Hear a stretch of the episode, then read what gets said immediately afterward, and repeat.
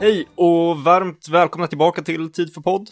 Eh, Det är avsnitt 9 och eh, då är det tid för karate och sydstats sheriff på semester.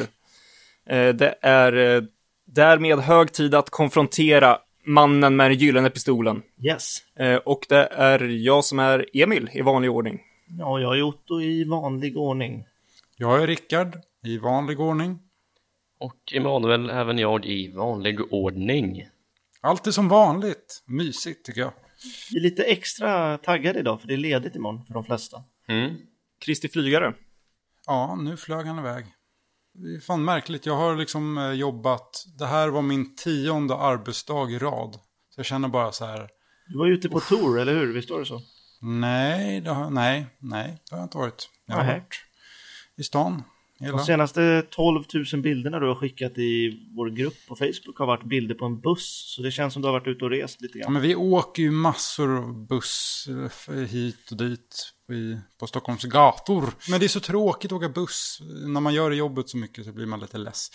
Du är gamlingen i vår grupp som precis har upptäckt sociala medier och måste fota allting och lägga upp. Gamlingar åker ju rätt mycket buss också har jag fått för mig. Ja, men det är ju mysigt, mysigt med bussen. Så. Ja, det är det. Jag föredrar ju buss framför tunnelbana, det är det. Ja. Ja. ja, men det är bra med mig. Hur är det med er? Finemang. Det är fantastiskt faktiskt. Ja, det är väldigt fint väder idag. Jag har varit ute hela dagen. Ja, faktiskt. Det är grymt. Jävligt bra väder. Även uppe i Norrland har det varit bra väder. Ja, faktiskt. Runt 20 grader har det varit här nere hela dagen. Ja, 15 här. Det är grymt. Mm. Det är grymt! Ja, det är grymt. Grymt. Och eh, jag måste flika in det även jag, må, jag kan inte sluta upprepa den perpetuella gåshuden Rickard har givit mig när han på sitt jobb framförde eh, Jämtlandssången på kungens 70-årsdag. Ja. Wow! Om ni inte har hört det, leta upp Arméns musikår på Facebook och lyssna.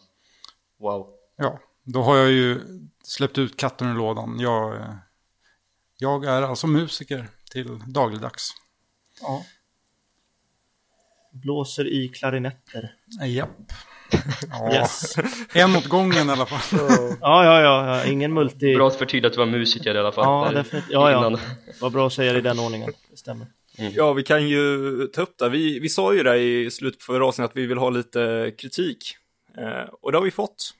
Flera stycken, så det är skitroligt. Ja, verkligen. Ja, och eh, då kan vi även slänga ut det, för från början var ju podden tänkt att bara vara just 24 avsnitt om filmerna. Men vi har planer på att fortsätta podden efter det med saker som vi missar om filmerna och saker vi kan djup, helt enkelt djupa ner oss mer i vissa ämnen. Så är det någonting som ni tycker att vi kanske missar eller så, eller som vi inte pratar om tillräckligt, så finns det möjlighet att göra specialavsnitt av det. Och det är vi skittaggade på. Ja, definitivt. Oh ja. Jag, jag vet, eller jag vet ska jag inte säga, men ett av de som ligger närmast i alla fall att bli ett specialavsnitt är väl musiken. Mm. Ja. Eh, som jag vet att vi har pratat om. Och jag vill ju göra ett specialavsnitt om uh, Flemings efterträdare i Mm. litteraturbond. Så det, på tal om det, imorgon så släpps ju den nya Young Bond-boken nummer sju. Ja, just det. Eh, och det är jag jävligt taggad på.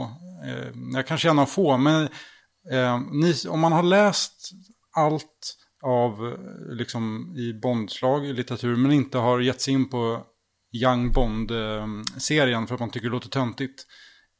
Gör inte det, hoppa inte över det, för Charlie Higsons fem böcker är jävligt bra faktiskt. Är det han som skriver den nya också eller är det en annan? Nej, det är Steve Cole som har tagit över fanan efter. Eh, så det ska bli spännande hur hans nya bok är, tycker jag. Det är så det som är så trist med bokbondsläppen, det är så extremt lite publicitet. Visst, det är svårt att göra uppståndelse runt en ny bok som kommer, men det är ändå som... Jag hade helt glömt bort att det kommer en ny Bondbok imorgon. Det är som... De hade kunnat fokusera lite mer på det. Ja, men det är, ja, ja. Det är helt, men av någon anledning, den skulle ha släppts i höstas. Och av någon anledning så sk- sköt de på det ett halvår. Och den har ju helt fallit bort, liksom ur... Det är inte, nej men det är ju det, inte ens Bondfans vet ju att det kommer en bok imorgon. Liksom. Men även de eh, vanliga böckerna, speciellt i Sverige, så är det ju ingen publicitet alls. De översätts ju inte ens. Den senaste boken, det var någon publicitet kring, var inte det eh, Devil May Care? Ja, precis. I Djävulens tjänst hette den. Ja, exakt. För den eh, både översattes och det var lite, man såg reklam för den också. På bokhandlar och sånt. För det var ju, vad var det? Det var, skulle ha varit Flemings hundraårsdag va? Ja, Ja. precis. Är det från och med att han, föd, att han Ja, föddes? precis. Ja, ja just det, såklart 100-årsdag. Ja. Och sen eh, översatte de ju faktiskt också Solo som kom, vad var det, fyra år sedan. Eh, vem det var som skrev den, det tappar jag minnet. Så de har ju försökt, men jag tror att inte det, de, Bond i, i litteratur säljer inte i Sverige, så det, det är ingen som orkar, Nej. vill försöka. För man tjänar inga pengar på det. Liksom. Och vi är så bra på att läsa böcker på engelska i Sverige, så att folk köper dem lika gärna på svenska, eller på engelska. Kan vara en anledning Ja. också, att de inte säljer. Nog eh, snicksnackat om det, tycker jag. Vilket snack. Eh, vi, har ju en, eh, vi har ju en film att snacka om också. Ja, vi har ju det. Så eh, jag vill höra bakgrunden till den här filmen. Det är jag taggad på. Så över till eh, Jämtland.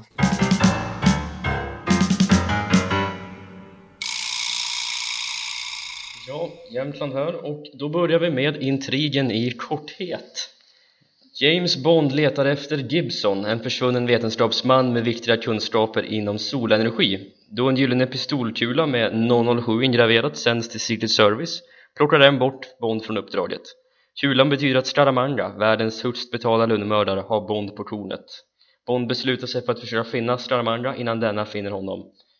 007 sökande för honom runt om i jorden och till sist till, till Hongkong där han får kontakt med Scaramangas älskarinna Andrea Anders. Det visar sig dock att Scaramangas mål inte alls är Bond utan den eftersökta vetenskapsmannen Gibson som då har konstruerat en Solex Agitator en apparat som kan förvandla solljus till ren energi och Scaramanga är då ute efter den för egen räkning. Och eh, The Man with the Golden Gun tar vid eh, ja, i alla fall rent, rent inspelningsmässigt tar vid eh, ganska precis där Live and Let Die eh, slutade. MGM och United Artists var väldigt sugen på att ha en ny Bondfilm ute. De sa det, det spelar ingen roll om vi får den om ett halvår, ett år eller två år utan vi vill ha den antingen mitt i sommaren eller på julen. Så att så fort som möjligt efter att Levin Let Die visade sig att det var en stor succé så började de jobba på manuset. Men faktiskt så The Man of the Golden Guns för, den började, dess historia började egentligen efter You Only Live Twice då producenterna funderade på att spela in den efter Eh, redan 1969 och då hade det varit lite mer av en uppföljare precis som boken är. Eh, mer om det i Richards avsnitt då. Den filmen hade då utspelats i Kambodja men på grund av det minst sagt spända politiska klimatet i det landet så skippade de det helt och hållet och istället fick vi Honor Majesty's Secret Service. Första månadsutkastet är i alla fall daterat till augusti 1973 och redan tidigt så beslutade de sig för att inte sätta filmen i Jamaica där boken utspelar sig, mycket därför att Live Let Die utspelar sig i Karibien och just på Jamaica. Utan eh, producenterna beslutar sig för att kapitalisera på den ständigt växande Asienmarknaden och eh, Hongkong-filmerna. Så filmen utspelar sig alltså då i Asien och framförallt då Mellanöstern. De plockar in Mary Goodnight redan här. De tar in Stradamanga precis som i boken. Och eh, Tom Mankiewicz, manusförfattaren, han plockar även in Stradamangas eh, älskar, älskling, eller hur man nu ska uttrycka sig som heter då Ursula och hans medhjälpare Demitas. Eh, de två hantlangarna har två riktigt stereotypiska namn men som jag skrattade åt när jag läste om. Det är producentbröderna Good Fat och Bad Fat. Så, jä så jäkla kast alla fall, de var i Thailand och letade efter plats att spela in. Och Harry Saltzman såg en massa elefanter springa runt. Så han sa det att okej, jag vill ha en elefantrusning. Så att han beställde in 200 elefantskor för att 50 elefanter skulle vara en action set piece i mitten av filmen. Och sagt och gjort, i manus 2 då inför de en tredje bröstvårta, elefantrusning och eh, att Malta är med i pre-title-sekvensen det är även att Bond kickar lite fotboll och råkar, skjut, råkar sparka ner en byggnadsställning som rasar på ett hus som i sin tur skapar en elefantrusning så att man skulle se alla de här 50 elefanterna springa genom Bangkok Oj. Malta-landet alltså, inte gruppen som var med i Melodifestivalen. på 70-talet. Nej, nej, Nej, de, bara så för att förtydliga för, för nyfikna läs läsare. ja, precis, de som, lyssnare. de som gjorde den associeringen vet nu i alla fall att jag pratar om landet Malta och Ja, inte bra, gruppen bra. Otto, du är nog den enda i hela världen som associerar till mer till bandet än till landet. Ja, ja, ja, ja. Fortsätt. Ja, det är i och för sig mycket möjligt att Tom Mankiewicz gjorde samma association för han lämnar i alla fall produktionen efter det här manuset och eh, Richard Maybaum kommer in och jobbar nära på manuset tillsammans med Guy Hamilton och eh, Cubby Broccoli. Här i plockar de in Solex och energikrisen. Och de tar även Bond till ett horhus i Beirut. De tar han till en strippklubb i Hongkong. Och rent allmänt mer smutsigt ska det bli i den här filmen. Eh, något Harry Saltzman inte alls utan han, han skrev ett memo till Richard Maybaum alltså ett internmeddelande att han, han blev kränkt av att läsa manuset han tyckte inte alls att det var bra överhuvudtaget. Eh, värt att nämna är väl såklart att eh, ur en svensk synpunkt har den här filmen fått väldigt mycket uppmärksamhet eftersom att det är två svenskor som har, innehar de kvinnliga huvudrollerna. Det är såklart Maud Adams som spelar Andrea Anders och Britt Ekland som spelar Mary Goodnight och eh, faktiskt var det så att Britt Ekland hon sökte ju rollen först men fick den inte. För att Cubby Broccoli sa att hon var inte kurvig nog. Men efter det att han hade sett en film eh, The Wicker Man som även Christopher Lee var med i från 1973 för övrigt en väldigt bra film där Britt Ekland har någon typ av nakenscen så vart han övertygad att hon kanske ändå kan vara med i filmen. Eh, inspelningen tar sin början i Thailand och de hade schemalagt att de skulle vara sju veckor i öst och sex veckor i England för att spela in filmen. Och eh, de första veckorna när de spelar in i Thailand så bor de på ett horhus. Eh, det är väldigt mycket horhus under hela den här filmen. Ja, vad man nu ska göra för koppling där vet jag inte men i alla fall. Och ja. Och det är värt att nämna också för folk som säger att Roger Moore aldrig förberedde sig för rollen och sådär. Innan Leave Let Die då gjorde han ju en rätt enorm fysisk träning för att vara Roger Moore och för att vara 70-talet och nu gick han på horhus eller var det? Ja, nu gick han på horhus och lyssnade på Malta. Nej, han, eh, han tränade i alla fall enormt mycket kampsport och eh, gav sig verkligen in i den leken för att eh, vara övertygande i sina actionsekvenser där han faktiskt, där han faktiskt framför kampsport. Och tittar man i filmen så är det ju faktiskt han som är med där helt och hållet ja, utan stuntmän.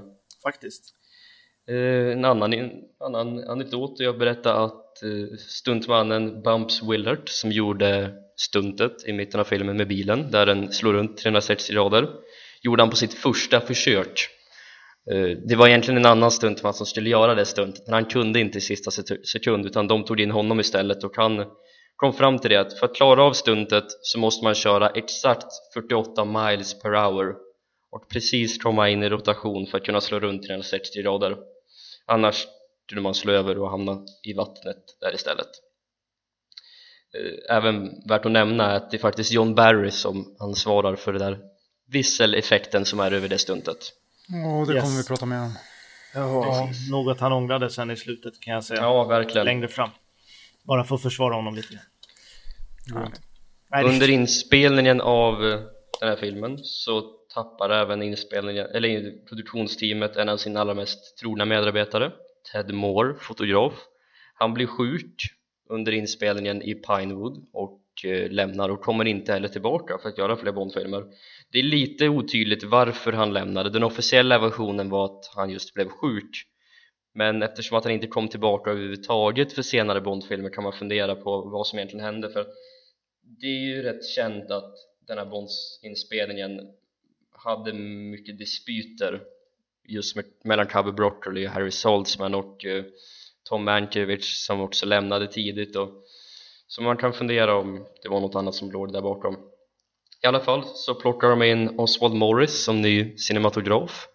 Han känd för att göra många främst brittiska filmer. Han var tidigare Oscars-nominerad 1968 för sitt jobb i filmen Oliver.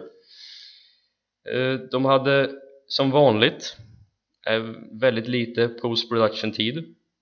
John Barry sa det att han hade bara ett försök att göra låten och att filmen hela tiden ändrade form. Det var mycket som klipptes bort, mycket som lades till. Och eh, de blev färdiga med inspelningen i september och skulle komma med den i november, december. Men det drog ut på tiden och de hittade aldrig sin form verkade det som. Utan eh, i och med att Harry Saltzman gick i personlig konkurs och var tvungen att sälja ut sin del i E.ON så var ju Cubby Broccoli tvungen att lämna produktionen också. Och Guy Hamilton lämnade produktionen tidigare för att jobba på Superman. Så att de stod egentligen utan regissör och producent i den här delen av filmen och försökte få ihop någonting som liknade en film. Med tanke på att under inspelningen så skrev de även om manuset konstant. Och de la till de la främst fokus på energidelen vilket egentligen inte var med så mycket som det var i slutändan. Och när de väl klippte till filmen så valde de att fokusera mer på att Bond är ute efter att ta reda på vad den där Solars Agitator är för något. Och det ger väl filmen ett litet splittrat intryck. Eftersom att det är två olika handlingar som egentligen går mot varandra. Dels Bonds eh, jakt efter Scaramanga som det är mycket i boken och som var i Tom Mankiewicz manus och även den här energikrisen som är en sidohandling men som tog fokuset i senare delar. Eh, filmen var rent till den tidens synsätt en hyfsad succé. Den drog in 98 miljoner dollar. Det är dock ett stort dropp i box office efter Live Let Die som drog in nästan 8 miljoner dollar mer. Och eh, i och med att Harry Saltzman lämnade eh, Bondvärlden och att filmen inte drog in så mycket som man hoppats på så står de här nu inför ett dilemma vart de ska gå härnäst. Alltid eh, lika vass genomgång. Ja, verkligen. Ja. Det är nog ja, ett av mina favoritavsnitt i hela podden. Emanuels background. Det är väldigt intressant det jag tänker just när de blev klar med filmen och det var så mycket svårigheter här i slutet de var, det kommer vi ta upp mer i nästa avsnitt såklart men att de var väldigt modiga att lägga så pass mycket krut i nästa film när den här filmen inte alls blev som man hoppats på i förhand Ja, det var väl det de var tvungna att göra. Ja, jag håller med. Det är väl lite, det har väl generellt varit, eh, det här, alltså det att, vad ska man säga, eh, att efter en dålig film brukar det, alltså en dålig Bondfilm, brukar alltid komma en box office-succé eller en kritikersuccé eller både och i vissa Ja. fall till och med. Eh, nästa film är ett bevis på det. Casino Royale är ett bevis på det efter Die Another Day. Eh, ja, Skyfall efter eh, Quantum of Solace till exempel. De, som var en väldigt stor succé jämfört med Quantum of Solace till exempel. Så det är ju ja, väldigt intressant. Goldeneye är en annan. Så att, sadla om och fokusera helt enkelt ja, exakt. Ja, energikrisen som la till, det är bara ett i raden på exempel på där Bond-serien präglas av sin samtid. Väldigt tydligt. Ja. Ja, verkligen. Och det var det som problemet 1974 i december. Då var energikrisen mer eller mindre över. Så filmen var ju redan där hopplöst daterad. Och Richard Maybaum kom in och skrev till det i januari 1974 och då var krisen som allra högst och tyckte väl att det var möjligtvis ett ämne att ta upp då, men jag kan inte riktigt förstå deras tankegångar när de sen när de klippte filmen att lägga mer fokus på just energikrisen för det har ju ingen verkan egentligen Nej. Ja just jag tänker att efter Live Let Die som är en så pass stor succé både i USA och även internationellt så valde de att skruva tillbaka hela budgeten och lägga ännu mindre krut på actionsekvensen och sådär. Det är ett lite konstigt val om man ser tillbaka på filmen med tanke på att den känns inte särskilt påkostad. Och det hade varit intressant att veta deras tankegångar. Ja. eller om det bara var så att de klippte bort massa saker i slutändan och bara strök för att de insåg att det, de hade ingen struktur Har du någon siffra på hur mycket den här kostade att, spela in jämfört med Live and Let Die? Ja, jag återkommer. Jag återkommer. Ja, gör det. Vad har ni för första intryck av filmen? Eller första, vad heter det? Första minne. Minne Första filmen. minne? Ja. Det, ja. Jag tänkte vi glömde det, men vi tar det efter bakgrunden. ja. Eh, jag minns, för jag, jag satt och tänkte på det nämligen när jag kom på att vi hade glömt det. Att eh, jag, eh, jag har ju pratat mycket om vilka filmer som känns tv och inte tv, om man säger så. Ser dem på tv.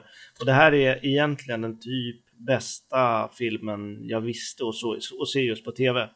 Jag tyckte den kändes ofantligt mycket TV3, den här filmen. Komma in någonstans vid eh, eh Beirut-delen och sen bara fortsätta in i filmen. Jag tyckte den var jävligt mycket bra, jävligt mycket bättre när jag var mindre än vad den är nu. Överlag så känns det så i stort sett med alla 70-talsfilmer att de gör sig bra på tv. Det är någonting med 70-talsfeelingen. Ja, verkligen. Det måste jag hålla med om. Det var precis det jag skulle säga. Faktiskt. Ja, de har ju lite den här tv-serien, är det någon, någon del av Bond-serien så är det 70-talet som skulle passa bra som tv-serie. Gör de filmerna till tv-serie, med undantag för nästa film kanske. Ja. Jag vet inte varför. Det är någonting med scenografin som, som jag brottas med. Jag tycker inte att det är helt top notch. Men för mig, det första gången jag stötte på den här filmen, det vet jag faktiskt. För det här var, det här var den första Bondfilmen jag såg. Och det vet jag för att den var den enda Bondfilmen som fanns i videohyllan hemma när jag var liten. Så den såg jag innan jag visste vad Bond var. Någon gång sådär. När man var mellan fem och tio någon gång kanske. Ehm, och den är ju ganska harmlös så. Som, som film. Det är inte, den är ju inte våldsam på det sättet. Nej. Uh, så det är mitt första. Men jag kan, ja, det är också sådär. Jag, jag har lite små fragment.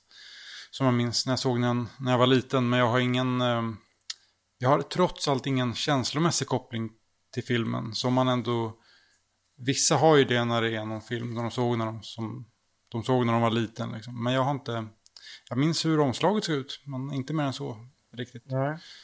Jag har egentligen inte heller sådär jättetydliga minnen. Den, den här filmen såg jag ändå, ja, en av de senare som jag såg i alla fall.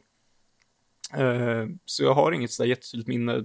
Det jag tror att jag tänkte, det var Britt Ekland. Det är så här, det enda jag kan så här riktigt komma ihåg. Britt Ekland och, och hennes prestation, som vi kommer snacka om senare. Ja, jag minns att jag tyckte posten var, eller är, en av de snyggaste postrarna till Bond-serien. Med just första persons perspektivet från Scaramanga. Med eh, Gyllene Pistolen som laddas. Jag tyckte den var riktigt snygg och tycker fortfarande att den är riktigt, riktigt snygg. Det, det, det är ju någonting med de där handmålade, handritade ja. Vi sa ju det om, de... sa vi inte det om Live and Let Die också kanske? Jo, men det är ju, alla affischer från den tiden ja. hade ju det. Så att Just att den är gjord i första, det... perspekt första persons perspektiv, ja. så det gillar jag som tusan. Faktiskt. Det är coolt. Ja, verkligen. Har eh, Emanuel någon minne?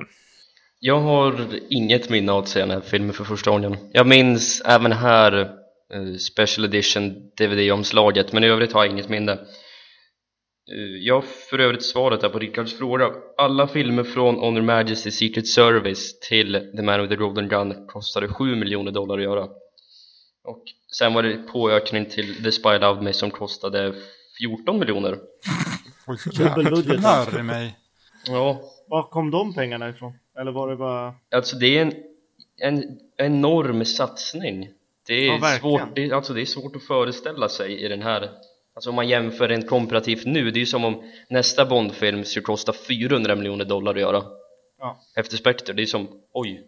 Vad hade hänt med serien om den satsningen inte hade gått hem? Exakt, det är ja. spännande. Men då gick alltså budgeten ner i stort sett för varje film?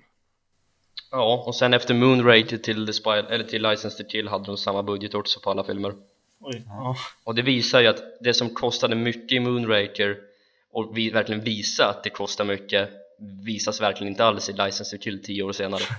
Nej, det är sant. Nej, då har inflationen gjort sitt. Ja. Ja, uh, ja, ska vi gå över och snacka förlag istället? Ja. Det är ju jag.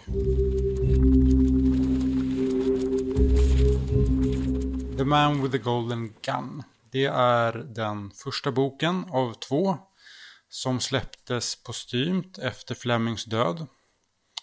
Och det här är ju, skulle man kunna säga, en kort roman. Den ja, beror ju på utgåva såklart, men den har ju knappt 200 sidor. Och det är ju knappt en fullängdsroman. Um, ehm, och sen ett år efter så kom då en novellsamling. Eh, uh, Octopussy and Living Daylights. Så det här är i alla fall den sista av Flemings uh, Bond-romaner. Um, och det är turerna kring den här boken är lite sådär... Ehm, det finns liksom inget riktigt officiellt hur det faktiskt gick till. Första utkastet till boken, det skrev ju Fleming såklart helt själv. Ehm, men han hann inte riktigt eh, redigera den innan han gick bort.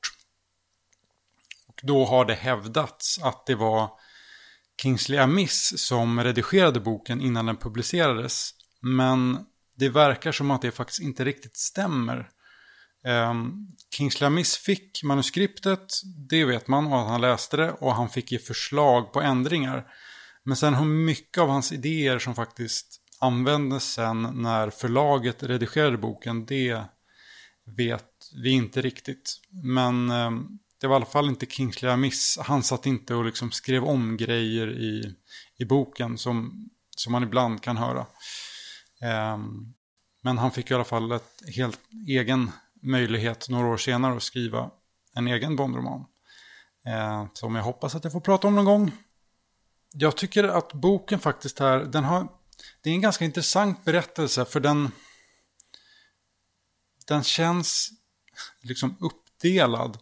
Eh, de första kapitlerna tillhör, för mig i alla fall på något sätt känslomässigt till eh, den så kallade Blowfeld-trilogin och liksom knyter samman den storyn. Um, medan uppdraget senare på Jamaica är som en liten så här, ja, ett lite kortare äventyr som funkar som en liten epilog till, ja, till hela, hela bokserien. Det är ett ganska kom komprimerat äventyr. Um, rör sig liksom ovanligt kvickt utan egentligen några ja, krångligheter. Um, och handlingen börjar ju med att Bond återvänder till London. Um, det är ju boken innan är ju Only Live Twice och han är alltså, man tror ju i London att han har dött. Uh, vilket han ju då inte har gjort. Uh, utan han uh, har ju tappat minnet och från Japan så reser han då till Ryssland och där blir han jag vet inte, infångad av eh, KGB, han blir hjärntvättad. Och de skickar då tillbaka Bond till London och det är där vi får möta honom, det är där boken startar. Eh, och Bond försöker avrätta M, helt enkelt. Men eh, M undkommer av en ja, snillrik skyddsanordning på kontoret. En, eh, någon sorts glasskiva som faller ner Um, sen blir Bond då på något vis avhjärntvättad om man kan göra så. Det vet jag inte. Um, och M vill då, precis som i You Only Live Twice, göra ett sista försök att skaka liv i sin agent. Um, Bond ska skickas ut på ett ytterligare ett omöjligt uppdrag. Att avrätta den livsfarliga uh, torpeden Francisco Scaramanga Alltså mannen med den gyllene pistolen. Och sen plötsligt då så nästa kapitel då får vi helt plötsligt veta i förbifarten att Bond har varit Scaramanga på spåren i flera veckor. Försökt eh, ja, hinna kapp honom runt i Karibien. Eh, men nu är vi då i Kingston och Bond har, är honom på spåren och träffar honom på Um, en bordell, så passande, just det. Med Emanuels uh, bakgrundssnack. Mm. Är det ju faktiskt. Uh, och Scaramanga anlitar Bond som livvakt. På hans, han ska ha en, en eh, sorts maffia-sammankomst på hans hotell. Och det här ja, mynnar snabbt ut i en tågresa igen. Fleming gillade tågresor och en blodig shootout i den jamaikanska djungeln. Mm. Och det sista som händer i boken är att Bond blir erbjuden att bli adlad. Men han tackar nej. Det. Um, och det är ju, där finns det ju faktiskt inte heller så mycket eh, i filmen som kommer från boken. Det är lite karaktärer som inte är så lika boken heller. Um, jag, jag gillar att läsa den här boken för den är, som sagt, det är ett lite komprimerat äventyr. Det är inte så krångligt um, sådär. Men um, jo, det skulle jag vilja göra faktiskt. Nu när jag ändå sa det där om att Bond uh, tackar nej till sin adling. Vad säger man? Adling? Nej. Till att bli adlad till att bli adlad. Eh, han tackar ju då nej. Och anledningen som jag tycker eh, sammanfattar Bond precis så som jag ser honom. Alltså jag, jag har aldrig personligen sett honom som en snobb. Eh, och det är väl ändå lite, jag vet inte vad ni säger om det, men för mig så är det ändå bilden som finns där ute att Bond är en snobb. Tycker ni att han är en snobb? Nej. nej. Ett rungande nej. Det beror på lite vem som spelar honom i filmerna i alla fall tycker jag. Ja, men det är ju det här, han gillar ju fina kläder, eh, snabba bilar, fina märken på det han dricker. Eh, han, han reser mycket. Han har ju en smak för det goda livet, men han är ju inte snobbig. Ja, precis. Nej, och det är det, för här skriver ju, han ska, han ska ju telegrafi, telegram, tele, Skicka telegram. Han ska skicka, han ska skicka telegram tillbaka till M, för Bond ligger ju på sjukhus på Jamaica. Ehm, och då skriver han sin anledning. I am a Scottish peasant and will always feel at home being a Scottish peasant. Det är så han ser sig själv. Han vill inte bli adlad, han vill inte bli någon, ehm, någon speciell person som hamnar i rampljuset. Han är liksom en ung person som trivs själv och hans skotska mm, eh, tillhörighet är liksom det är det som är han. Och det, det är väl för att jag alltid har känt så från böckerna gör att jag inte ser honom riktigt, riktigt som snobbig, eller inte ens i filmerna, fast framförallt kanske Roger Moore är väl den som Snobbigast. mest har dragit åt det hållet. Ja, precis. Definitivt, det tycker jag. Ehm, har ni läst boken? Ja, jag vet att ni har läst boken. Ehm, Ja. Ja. ehm, ja, men Otto, just det. Är det där en, en av de som du har läst? ja. Jag vet inte om du minns någonting, men om du har något Nej. att säga så shoot. Jag tänker inte säga någonting. Nej. Jag vet ingenting. jag vet att det, jag tyckte det var häftigt med, det kändes väldigt modernt på något sätt. Eller någonting som de skulle kunna göra idag, att Bond, för det är i den här boken som han försöker döda, sig, döda Emma. Mm. Ja. Mm. Det tycker jag är väldigt intressant faktiskt. Jag vet inte varför, men jag tycker det känns som något jag skulle kunna se Daniel, Daniel Craig göra i en Bond-film. Ja, jag är fortfarande förvånad att, det inte, att de inte har använt det. Det känns liksom så modernt på något sätt. 60 år. Ja, det... Ja, jag tycker det känns aktuellt på något sätt. Ja.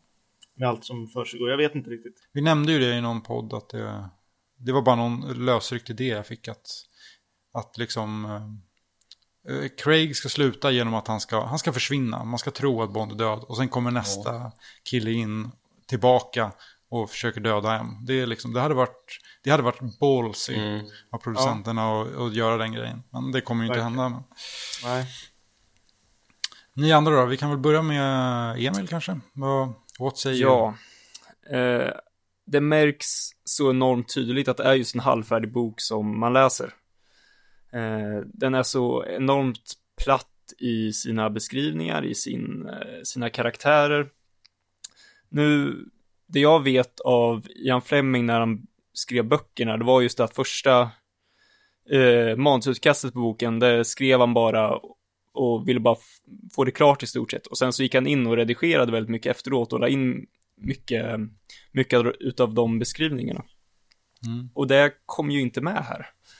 Vilket gör att det är väldigt lite beskrivningar och man, eh, jag vet inte, man, eh, man kommer inte, inte riktigt in i miljön. För det känns bara så, så platt. Eh, Jamaica i stora delar känns, skulle nästan bara kunna vara, jag vet inte, Ödeshög. Eller någon sån här anonym ort. Ja, det vill jag säga, det är inget fel på Ödeshög. Säkert en väldigt fin plats. Nej, jag vet, men det är, det är mer om själva beskrivningen. Att, eh, Ja, jag vet. Man, man, ja. Eh, enda gången som det verkligen känns som med, med Jamaica, det är väl lite på slutet då. Eh, men även karaktärerna, de känns inte heller riktigt så här utvecklade. I och med att det var lite så här gangsterkongress så fördes ju tankarna till Goldfinger, där det är samma, samma grej i stort sett, massa gangstrar samlas. Och jag var ändå ganska kritisk mot Goldfinger, men där fick man ändå, alla de här, man fick mycket bättre bild av de här gangstrarna, vilka de var och så vidare. Här är egentligen bara namn. Man, har, man lär inte känna personerna i den här boken alls. Nej, de är ju bara liksom skuggfigurer i bakgrunden. Ja, Alltså, men eh, överlag tycker jag liksom att det, det är väldigt, väldigt platt. Och ja, det, annars, den är ju, jag, jag tycker att man får se den lite som du var inne på där, lite som en epilog till hela det här Blowfelt-äventyret. Eh, då kanske man förstår boken lite bättre och vad det är den försöker åstadkomma. Men jag tycker inte att det är en bra bok. Eh, absolut inte. Eh, så ja, jag släpper väl vidare till Emanuel. Ja, det var på förhand den boken jag hade sett fram emot allra mest och läst. Det är faktiskt den enda av Bondböcker jag läst en gång. uh, och det var den sista jag läste också. Och jag hade väldigt mycket sett fram emot just hur boken börjar och hans mordförsök på M och allt där. Och jag håller i mångt och mycket med om vad Emil sa där om att den känns platt och sådär. Och det gör den väldigt mycket i andra delen. Första delen när han är i London är riktigt, riktigt stark. Jag skulle säga att det är bland det bästa i Flemings alla böcker. Just beskrivningen av en desillusionerad Bond och eh, hur han beskrivs, hur han har blivit styrd, hur, hur KGB liksom har tagit bilden av Bond som de ser på honom och applicerat på den hjärntvättade Bond finner jag väldigt intressant eh, när jag väl kommer till Jamaica så tappar jag intresset rätt snabbt mycket på grund av att det är mycket yta och inget djup däremot det jag reagerade väldigt starkt på det är just att det är passande på det viset i den sista boken för att Bond möter Francisco Staramanga som är som en spegling av honom, en mörd spegling och i och med det att han mördar Staramanga på slutet så är det lite, så har jag uppfattat det som att han tar död på den sidan av sig själv och går vidare och gör någonting annat han, han, boken slutar väl om jag inte minns helt fel att han är på sjukhuset eh, visst var det så? Ja. Ja och jag tolkade det som när jag läste boken att nu har Bond dödat sin inre del av sig själv eftersom att Scaramanga framställs på mångt och mycket på samma vis som Bond. Och det tänkte jag intressant att ja det här är sista boken och ja, Bond har konfronterat sig själv en sista gång. Eh, sen läste jag en intressant teori. En, ja, intressant vet jag inte men en lite flummig teori. Det är att Bond tappar ju minnet och återskapas. Och han träffar på en, en homosexuell man eller det antyds att Scaramanga är homosexuell. Han har sin gyllene pistol, en tydlig fallossymbol och sådär. Den här personen, det var på MI6 forums tror jag det var hade han skrivit att det här är Bonds återsökande efter tappat sin älskade kvinna och hittar män på något vis. Att han liksom han, han tappar sig själv och finner en manlig fascination på något vis. Eh, och när jag tänkte på det, ja, mannen med den gyllene pistolen Ramanja kan inte vissla säger M i början för att han är tydligen homosexuell och ja, jag kommer inte ihåg teorin helt och hållet men det var en, en intressant tolkning och reflektion av en annars rätt endimensionell skurk men det där mm. skulle man ju nästan kunna väva ihop med, alltså det som är det absolut sista i boken, sista raderna. Och det som Bond tänker och reflekterar över där. Med just kärlek från kvinnor. Eh, kommer du ihåg vad jag, vad jag menar för någonting? Att han, att han, han eh, mm. säger något, eh, han, han, säger något att kärlek från eh, Goodnight eller kvinnor generellt är ungefär som ett rum ett rum med en utsikt, att det blir eh, samma, samma utsikt blir snabbt tråkig enligt Bond. Just det. Ja. Nej men så att det är väl ett passande slut för Bond. Det är en lite mer introspektiv resa just han bemöter sig själv och sådär. Så att, ja, jag har, ju, har ju som sagt bara läst den en gång och det var rätt många år sedan och jag har inte riktigt funnit intresse av att gå tillbaka till den heller. Mm, det jag reflekterar över det är att hur pass lik den inte är The Man of the Golden Gun-filmen men Skyfall jag menar Silva är ju mer lik Stradamanga i boken än vad Stradamanga i den här filmen är sin bokförlaga och eh, jag vet inte om jag håller med faktiskt. och eh, just den här aspekten med att Bond försvinner och kommer tillbaka. Och jag trodde på förhand att Bond skulle ha någon, alltså innan Skyfall kom att han skulle ha något att göra med eh, M's av att han skulle försöka mörda M på något vis när han kom tillbaka och var mm. sådär.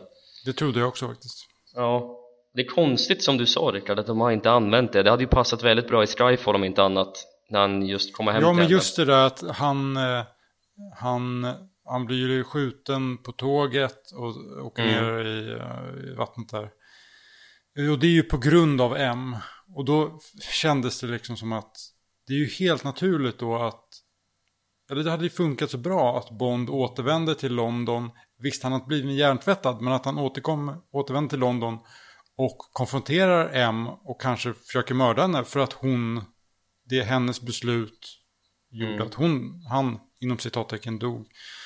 Eh, Det hade varit naturligt, men ehm, Och det hade ju gett en enorm känslomässig slagkraftighet i slutet när han till Exakt. sist räddar M och gråter för att hon dör. Ja, exakt. Det hade varit, eh, ja, det hade funkat bra tror jag.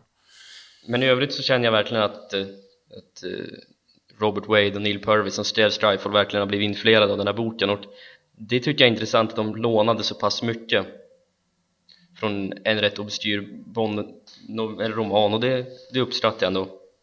Ett betyg om vi ändå ska ta det samtidigt så att inte jag ska prata hur länge som helst. Det är att jag skulle ge den en tvåa mest för den extremt skarpa början och för just den här spellinjen mellan Bond och Scaramanga och just hur han finner sin reflektion där i slutet att han går vidare helt enkelt.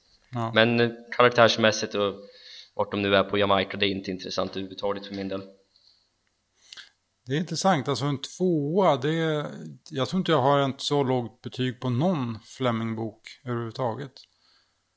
Jag vet inte om vi eh, relaterar olika i betygsskalan kanske. Men um, strunt samma. Eh, det här är faktiskt nog ändå den... Det är en av de böcker som jag har läst flest gånger faktiskt. Eh, dels... Ja, att nästan, ja, just för att den är kort. Är jag sugen på liksom, när man liksom vill läsa någonting, läsa någon Bond, då är det så lätt att man tar just den här. För att den är kort och jag, ändå, jag gillar faktiskt boken. Jag tycker att vissa delar är verkligen, verkligen bra. Och det är just det där när Bond återvänder till London, hans mordförsök på M. Eh, och faktiskt min favoritdel av hela boken är just när Bond anländer till Jamaica och hans första möte med Scaramanga på bordellen. Jag tycker det är...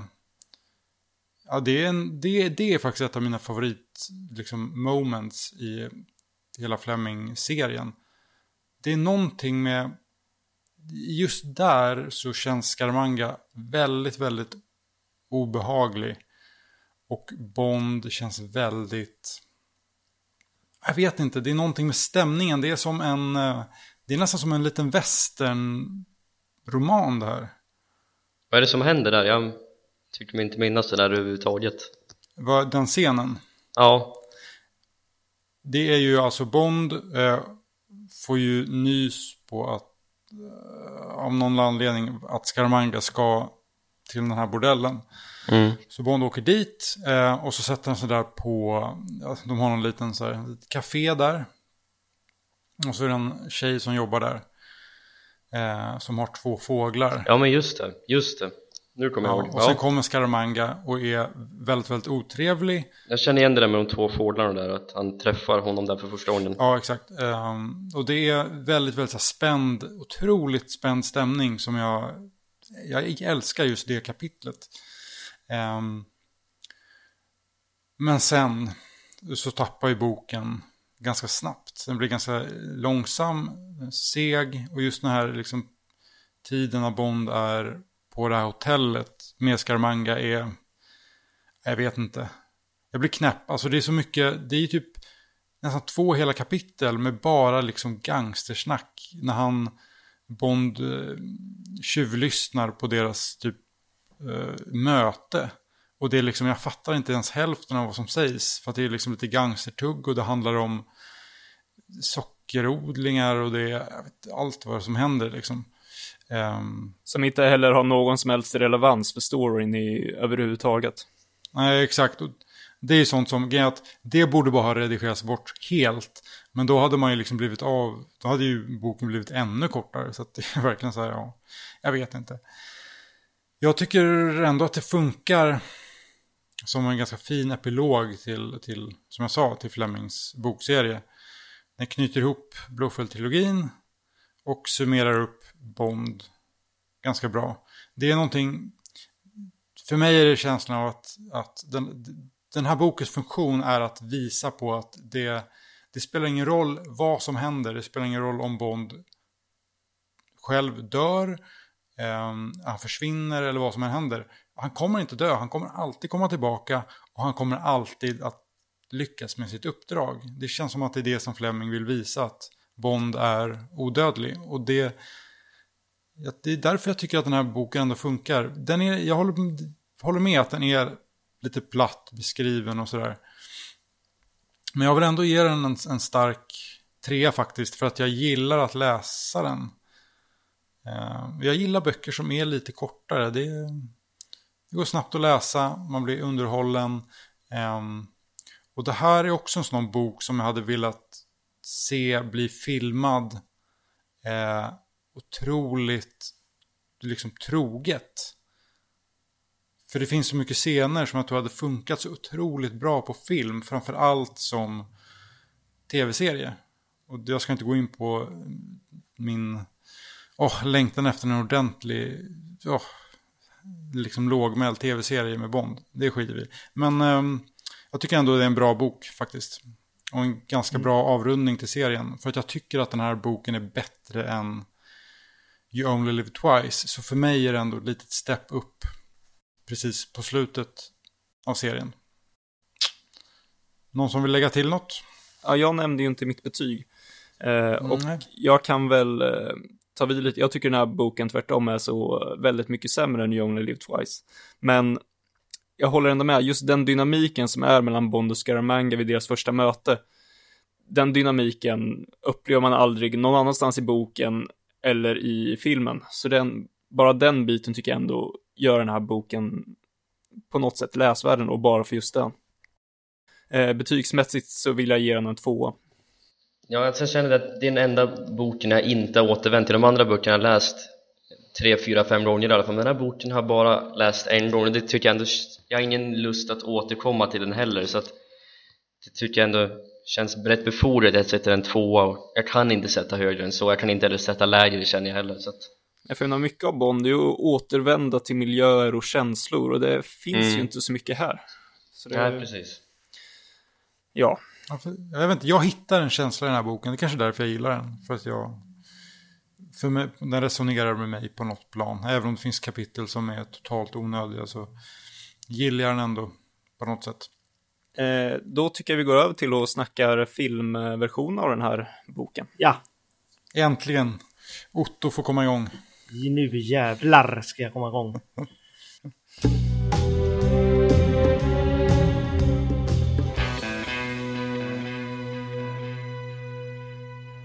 eh, och vi börjar ju i vanlig ordning med pre-titan. Ja. Eh, jag kan säga en liten intressant sak om, om eh, Gun Baron faktiskt och musiken i den. Eh, just att tidigare i serien så har ju alltid musiken i Gun Baron alltid varit riffet har alltid varit med elgitarr eller inte med stråke i alla fall. Och nu spelas det av stråkar och trumpet faktiskt. Så att det är rätt intressant mm. i alla fall. En liten ändring i orienteringen. Sen efter just den här filmen så har använde aldrig Barry gitarr längre för att göra riffet i Gun Barrel. Så det är lite intressant. Mm. Han bytte, där kommer stråkeran igång kan jag säga. Ja. Lite grann. Den jag pratade om. Nu är hans stråkera igång på allvar. Ja, absolut. Den kommer vara ännu mer i hans nästa mm. film sen som han gör. Eh, ja, det var bara det. Jag tycker eh, Pretty Titan är eh, väldigt bra faktiskt. Jag har alltid gillat den här Pretty Titan. Även om Bond inte är med. Ja, jag håller med.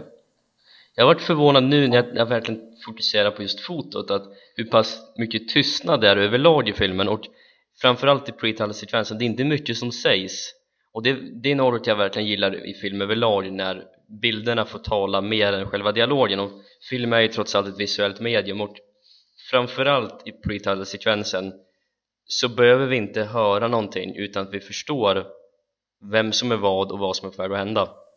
Och det har varit förvånad av att det är nästan så pass idiosynkratiskt det har blivit här av Guy Hamilton trots allt som gjorde den mest banala filmen bara tre år tidigare så att jag håller med Otto, det är en riktigt bra pre-sekvens jag diggar den riktigt hårt och mycket på grund av fotografiet och Staramanga här och jag gillar den med, kanske inte riktigt så mycket, men jag tycker bra. Jag tycker den eh, etablerar Scaramanga som karaktär väl, på ett väldigt bra sätt. Eh, man får en känsla för honom direkt.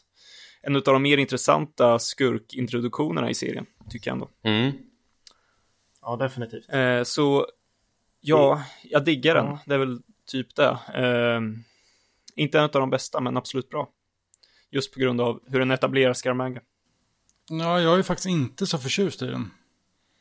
Eh, och det är, jag håller med om att eh, det som är bra med den är just det att man introducerar Scaramanga. Alltså, som jag sa i förra podden så jag tycker inte att man måste introducera Bond egentligen i pre-titeln.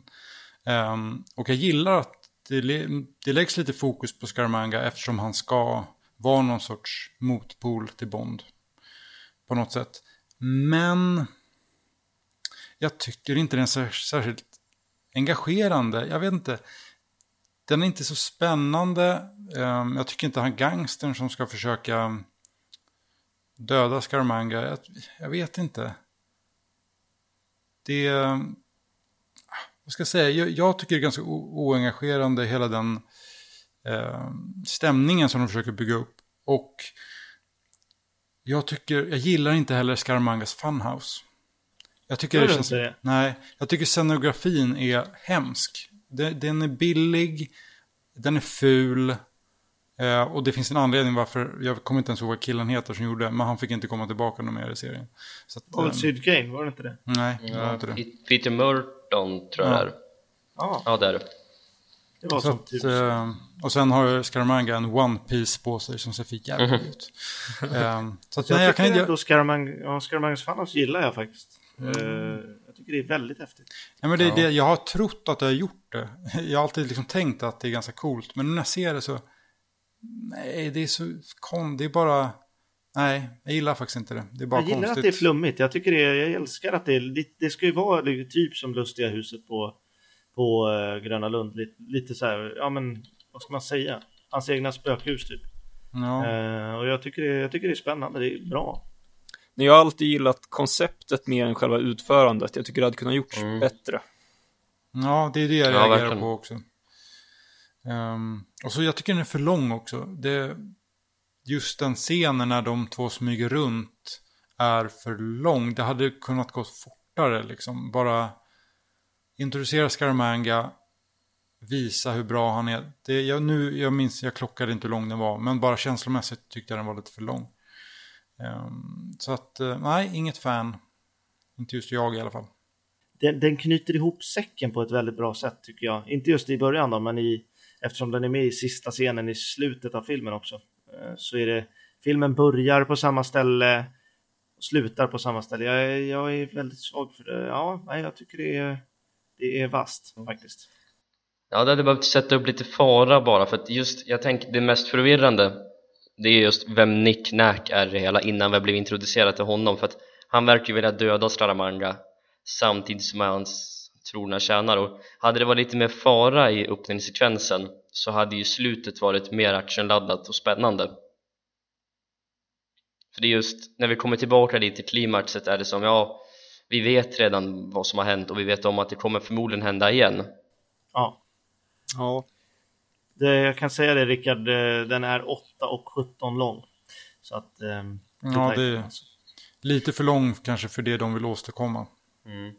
Men, Jag eh, tänkte på det, jag tänkte, när jag läste det där inlägget på MI6 som jag nämnde i bordsnacket där med sexuella undertonerna så tänkte jag på det att Bond, det är rätt mycket så här hur Francis och Scaramanga sitter och smeker sin pistol och liksom när han sitter på middagen han sätter på pistolen och liksom håller i den och drar på den när han pratar med Bond och jag tänkte på det i början när han skjuter Bond-dockan om man säger så han skjuter ju av fyra skott och det är fingrarna och tummen är kvar det femte skottet dock ser aldrig vart det går medan det snabbt zoomas in på Bonds ansikte och då ser han besviken ut då tänker jag, vart skjuter Scaramanga om det inte är en av fingrarna? Kanske det är Bonds gyllene pistol han skjuter? Jag tänkte det, lite så sexuell underton att han är, han är, han är avundsjuk på Bond på något Det vis här är bara liksom. Emanuels analys. Det här är så Ja. jäkla eh, detaljerat. Men om, du, om man nördigt. tänker på det så är det inte helt orimligt att han skulle vara liksom avundsjuk på Bond, hans rykte, hans Ja, ja. tjej är liksom ute efter honom så att, ja, jag vet. Det är det, så tolkar jag scenen i alla fall. Mm, det Ja, finns ju en, ja. eh, ja nu är det ett stickspår, men en podd som heter Now Playing Podcast som recenserar filmer. Och när de körde hela Bond-serien så var det, då kom de väldigt ofta in på just det, The Golden Penis, som liksom Mm. löser allting. Och det är såklart att andra män är liksom avundsjuka på den där gyllene penisen som hänger. Den- Han, den, han får ju allt han vill liksom. Ja, Så precis. att det, Scaramanga är avundsjuk, helt klart. Definitivt. Eh, då tycker jag vi går vidare.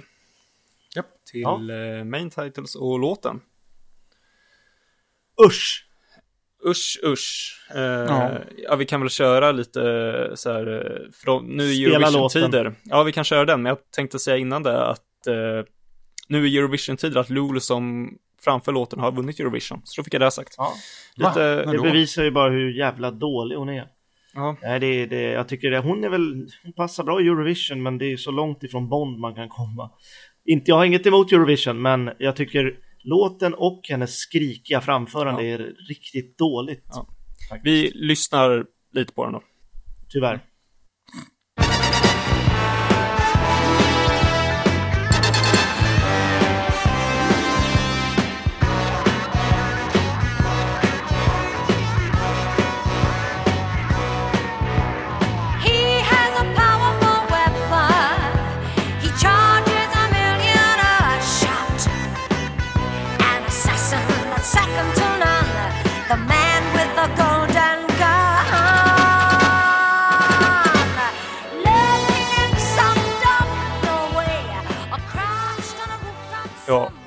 Eh, jag håller med fullständigt. Det är en av de svagare eh, titellåtarna i serien. Ja, Det definitivt. är eh, ingen melodi jag går igång på. Det är, ja, som, som du sa, hennes skrikiga röst. Nej.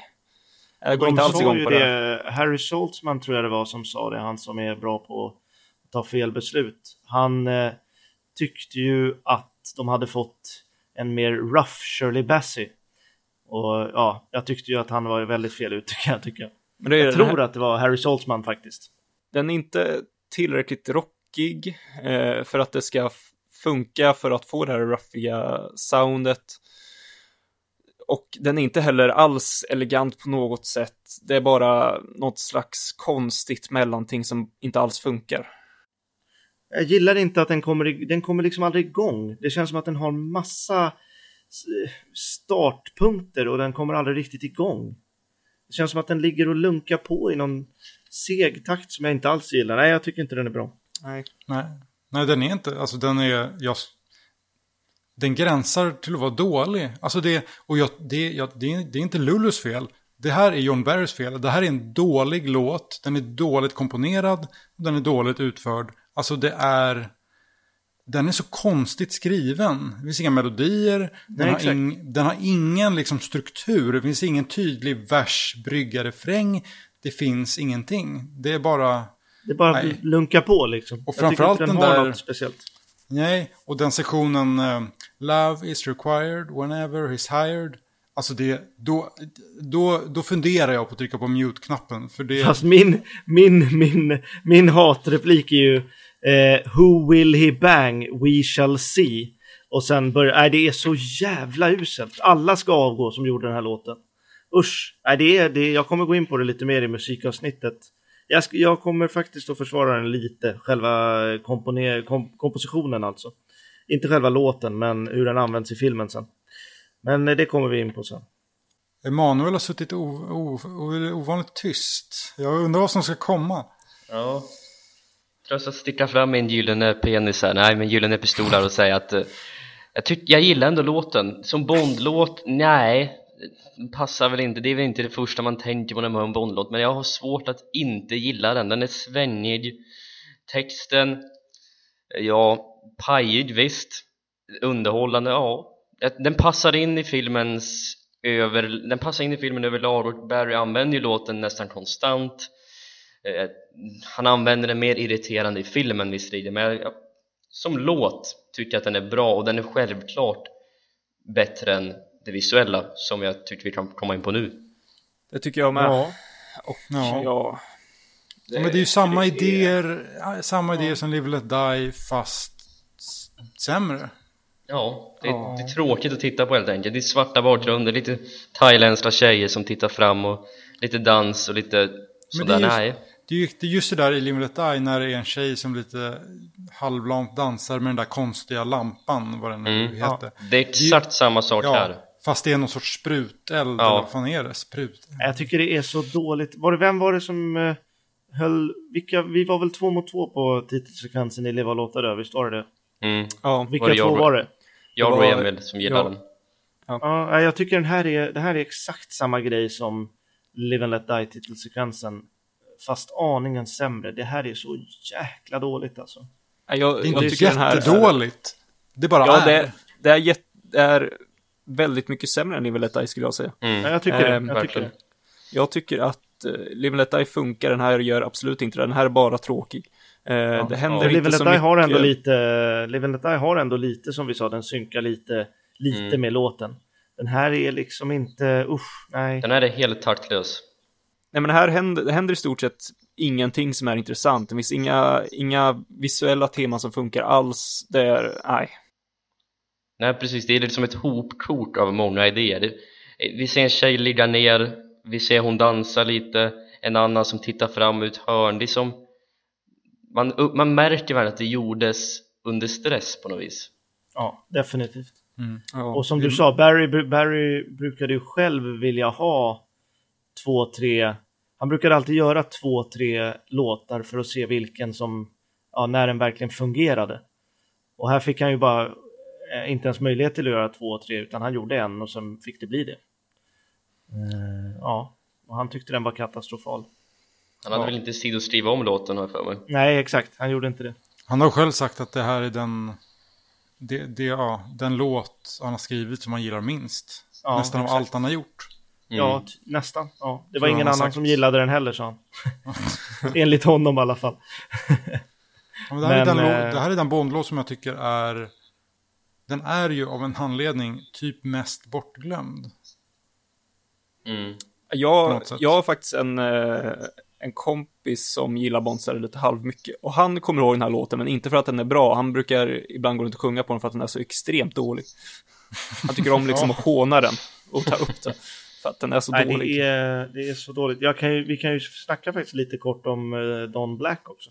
Som skrev eh, texten. Han har ju skrivit eh, text till några andra Bondlåtar. Thunderball och Diamonds of Forever ska jag säga. Mästaren Mm. på att skriva provokativa och ja, översexuella texter.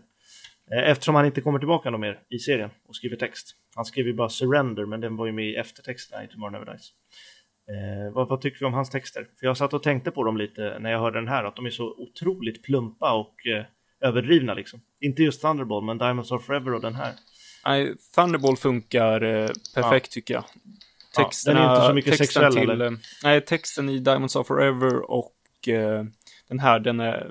Diamonds of Forever är väl lite halvrolig men ändå inte bra. Den här är inte ens rolig, den är bara dålig. Nej, den är, den är, jag satt precis och tänkte på det. Fan, det var, ja, nej, han, han är ju bra textförfattare, men det blir för on the nose med de här två senaste tycker jag. Ja, Även om jag gillar Diamonds of Forever eh, också faktiskt, men här blir det ju för... Nej, det är inte bra. Det är varken roligt eller bra. nej, verkligen inte. Jag, jag kan ju, jag bara, jag är sämst på texter. Alltså jag, jag lyssnar aldrig på texterna, jag kommer aldrig ihåg texter. Ehm, jag är liksom instrumentalist, jag skiter i vad som sjungs. Så det har jag aldrig brytt mig om, jag hade tänkt på det. Om det Nej. inte är extremt övertydligt, men så jag säger faktiskt pass. Ja. Nej, han, han, eh, Don Black, bara får säga vad han tyckte om texten. Han sa ju att det var, eh, för att citera honom, eh, It's all just a delicious piece of nonsense. Så det är väl eh, lite så man kan kategorisera den här låten överlag. Alltså. Jag tycker den är, det är nonsens helt enkelt. Ja. Vill eh, Emanuel säga någonting om hans texter? Nej, jag har ingen riktig åsikt där utan jag kan förstå varför jag inte kom tillbaka helt enkelt. Ja, Ja, ja. Men då tycker jag vi lämnar det här och ja. går vidare. Och då är vi i London med möte med M. ja. Och två skumma gubbar som inte tillför någonting till den där scenen. Vad gör Nej, jag? Ja. Nej, jag vet fan inte vad de gör där faktiskt. är det det- inte den ena Bill Tanner? Nej, Nej, jag, det är Colthorpe och... eh, Colthorpe kommer ju faktiskt tillbaka sen. ja, mm, ja, det gör jag. Chief of Staff brukar det ofta vara. Jag vet inte om Ja, det är det här, jag minns men faktiskt Jag tror inte. inte att det är... Nej, det är väldigt konstigt. Det är Låt mig av- titta upp det. Nej, skit i det. Vi, är- ja. Vi återkommer till det. Ehm, alltså det är... Ja, det som bär upp den här scenen är ju Bernard Lee. Tycker jag. Eh, Mm. Han är ju bra line deliveries liksom. Ehm, Jo, det är faktiskt Chief of Staff. Ursäkta att jag avbryter. Ja, det det är är, det. Okej. Chief of Staff. Yes. Och det är väl Bill Tanner då? Ja, det ska ju vara det. Ja, borde vara det. Japp. Eh, men alltså... eh, Roger Moore får en ganska tråkig radda med text och läsa Ja. upp liksom. Här börjar ju den eh, grejen han har för sig i nästan alla hans filmer också. Bernard Lee säger en grej, oftast en karaktär eller en, en människa. Och sen så berättar Bond en hel Wikipedia-artikel om honom. Eh, så att, Ja, det- eh, ja. Ja, alltså sättet han säger det, det känns nästan självmedvetet att Bond kan allting och det förväntas att han ska förklara, men Mother a snake samtidigt... charmer, Ja. father a circus artist, Bernard Ja, ja, precis. bara rabblar upp saker som är helt... Men det här var ju också andra sidan en av de sista scenerna de spelade in, så att förmodligen är det att här försöker de stoppar allting som de har lappat ihop i Roger Moores mun och han ska bara förklara vad som kommer hända för allting annat Allting annat kommer inte fungera annars Ja, han har tappat motivationen för den här filmen för länge sedan. Ja. Faktiskt. Ja, men det känns ju nästan lite så att de, eh, på samma sätt som de gjorde i You Only Live Twice vid ett par tillfällen, att de, de driver lite med sig själva nästan. Mm. Ja. Ja. Och det, men det, ja, det är Bernard Lee som jag tycker gör den här scenen väldigt, väldigt bra. Ja. Den gillar Så- jag också faktiskt. Det är Who would pay one million dollars to have me killed? Ja. Och sen rabblar han upp uh, utskämda eh, kockar och för, förnedrade skräddare och allt möjligt. Ja. Det, det är så jäkla... Ja, den är, den är bra. Jag gillar när Mm. Bond får stryk rent verbalt. Alltså, jag gillar det. Av M. Det, Ja, av vem? Det ska, ja, det ska av skurkarna M, också liksom. faktiskt. Men jag gillar av eh, folk överlag. Jag tycker han är, det är kul när han sätts på plats faktiskt. Ja. Ja, M M är alltså enormt sur i den här filmen, ovanligt vresig Ja, faktiskt. Han är verkligen missnöjd med tillfället att vara med här, alltså allting är dåligt Det är väl bara i Hennes Majestät som han är mer sur i. Alltså jag tror han är allra surast här, jag tror faktiskt det han, när, han säger, när han säger till Q i senare i filmen, oh shut up Q Ja, i och för sig. Jag tänkte mest i den här scenen överlag, men ja. ja Mm. jo, han är ju väldigt sur här. Grinig som Ja. tusan. Och skäller ut dem Ja, men- senare för att de tappar bort uh, Solex Agitator och... ja, men det kan Ja, man ju han förstå. blir riktigt sur. Ja, jo, i och för Ja. sig. Och så kallar han Mary Goodnight för en efficient liaison officer Ja. Ja, Har M tappat bra. omdömet helt och hållet? ja. Det, det, Jag vet Ja. faktiskt inte vad han... Ja. Ja, Nej. Vi, eh, vi åker till Beirut istället. ja, det tycker jag. ja, herregud. Ja, alltså vad gör Bond i Beirut? Alltså han ska få kulan som är i Saidas mage, i naveln. Och för att analysera den, för att ta reda på vem som har skickat den och ta reda på vad det är för kula. Men han fick ju precis en identisk kula hemskickad till sig i London som man kunde analysera, för där finns ju fingeravtrycken redan. Och det finns, det är ju exakt samma han, han, han visste ju redan att att Bill Fairbairns 002 hade blivit skjuten av förmodligen The Man with the Golden Gun. Alltså hade han ju enklast bara kunnat analysera kulan han hade fått redan Men skulle han ha kulan, den faktiska kulan som kunde jämföra för att veta om det ens var den riktiga kulan som hade skickats? Men det spelar ingen roll i filmens handling för att det spelar ingen roll att 002 har blivit mördad Jag vet. Och det är ju uppenbart att det här är en annan story som kommer in i bilden Som de sen har skippat halvvägs in i filmen För Ja, som sagt, ja. Mankiewicz originalmanus var ju att han skulle leta efter Scaramanga och det skulle vara lite hämnd och sånt där Och det är ju med här i början, men sen tappar de ju fokus Ja, det är faktiskt sant. det, Och sen ja. är det ju, hon måste ju vara en ganska morbid person, den här magdansösen. Som alltså, hon tar kulan som dödade hennes älskare och så sätter hon den som en liksom naveljuvel. Det är ju helt sjukt. Jag, tänkte, jag tänkte också ta upp att hon var lite morbid, fast av en annan anledning. Och det är att hon blir så jäkla glad och ler när hon berättar om det här mordet. Det är som att hon liksom tänker tillbaka på eh, happy days, liksom. Det, Ja, jag, tro, jag trodde du skulle säga att hon ja, eh, vad ska man säga, kysste Roger Moore, var lite morbid på det sättet, men det kanske Nej, men- också. Nej men först blir hon jätteglad, sen när fighten börjar och, henne, och parfymerna går sönder, då blir hon helt knäpp. Då blir hon galen. Bara, ja, ja okej. Jag, jag, jag gillar just hur Bond frågar hur det var med Bill och hon vet inte vad hon menar så säger han, ja, Bill Fairbanks, ja Bill Fairbanks, han som blev skjuten i min famn hur många gånger har hon varit med om det? Att hon Ja. glömde bort just han Nej, det är Ja. faktiskt jävligt märkligt alltså. ja. Men fighten förs- dock, Ja, riktigt bra det händer ju Ja. en rätt intressant grej i den också som är rätt eh, känd. mm. Att de råkar visa sig själva. Ja, Ja. Det är väl, jag fick reda på vilka det var som stod där just, men det, ja, då minns jag faktiskt inte vilka det var. Ted det- kameran. en av dem Visst var det det? Ja. ja. För att förtydliga så ser man alltså crewet i eh, spegeln ett par gånger. Ja. I den här De stöter till en byrå som, De kommer åt spegeln på något sätt. ja, exakt. Den eh, för övrigt repliken som avslutar fighten, eller avslutar scenen, är fantastiskt bra tycker jag. Jag tycker den är, den är rolig. Jag har alltid skrattat åt den. Ja, men. Eh, hon säger I've lost my charm när han har svalt den och då säger Roger Moore, eller Bond, not from where I'm standing. Och sen går han därifrån. Han ser så, ja. där det är typiskt Moore. Ja, verkligen. För Ja. där, där levererar han ju faktiskt den som att han skulle, som att han verkligen menar det. Och inte bara säger den. Det ser man på honom att han faktiskt har tänkt till lite grann. Mm. Så ja, det, det, den, är, den är kul tycker jag. Och är härligt tagen också när han levererar den. Ja, mm, faktiskt. Ja. Han blöder och rättar till slipsen och ser väldigt Ja. besvärad ut tycker jag. Nej, jag tänkte att han är nästan så här lite tagen som han var i Moonraker när han kliver ur den här eh, G-maskinen. G-maskinen. Fast lite light-version av det. Ja, jo, han ser ut precis som att han har haft en ordentlig, han käkade Vindaloo kvällen innan och så har han haft en ordentlig rännskita och kommer ut ur Ja. toalett, badrummet liksom och säger den repliken ungefär. ja. Ja, Det är också konstigt det där. Han har liksom precis svalt en kula. Han är liksom nere på knä. Och han går ner på knä och börjar pussa henne på magen. Och liksom, just där så, så fattar jag, vad är det som händer? Vad, vad gör han? Ska han, jag måste ha den här kulan. Vad ska jag göra? Jag går ner på knä, pussar hennes mage. Och så tar jag den i min mun. Alltså det är så kon- det är Oj. jättemärkligt. Ja, jag vet. Ja. Det, det, formuleringarna Rickard, du är grym alltså.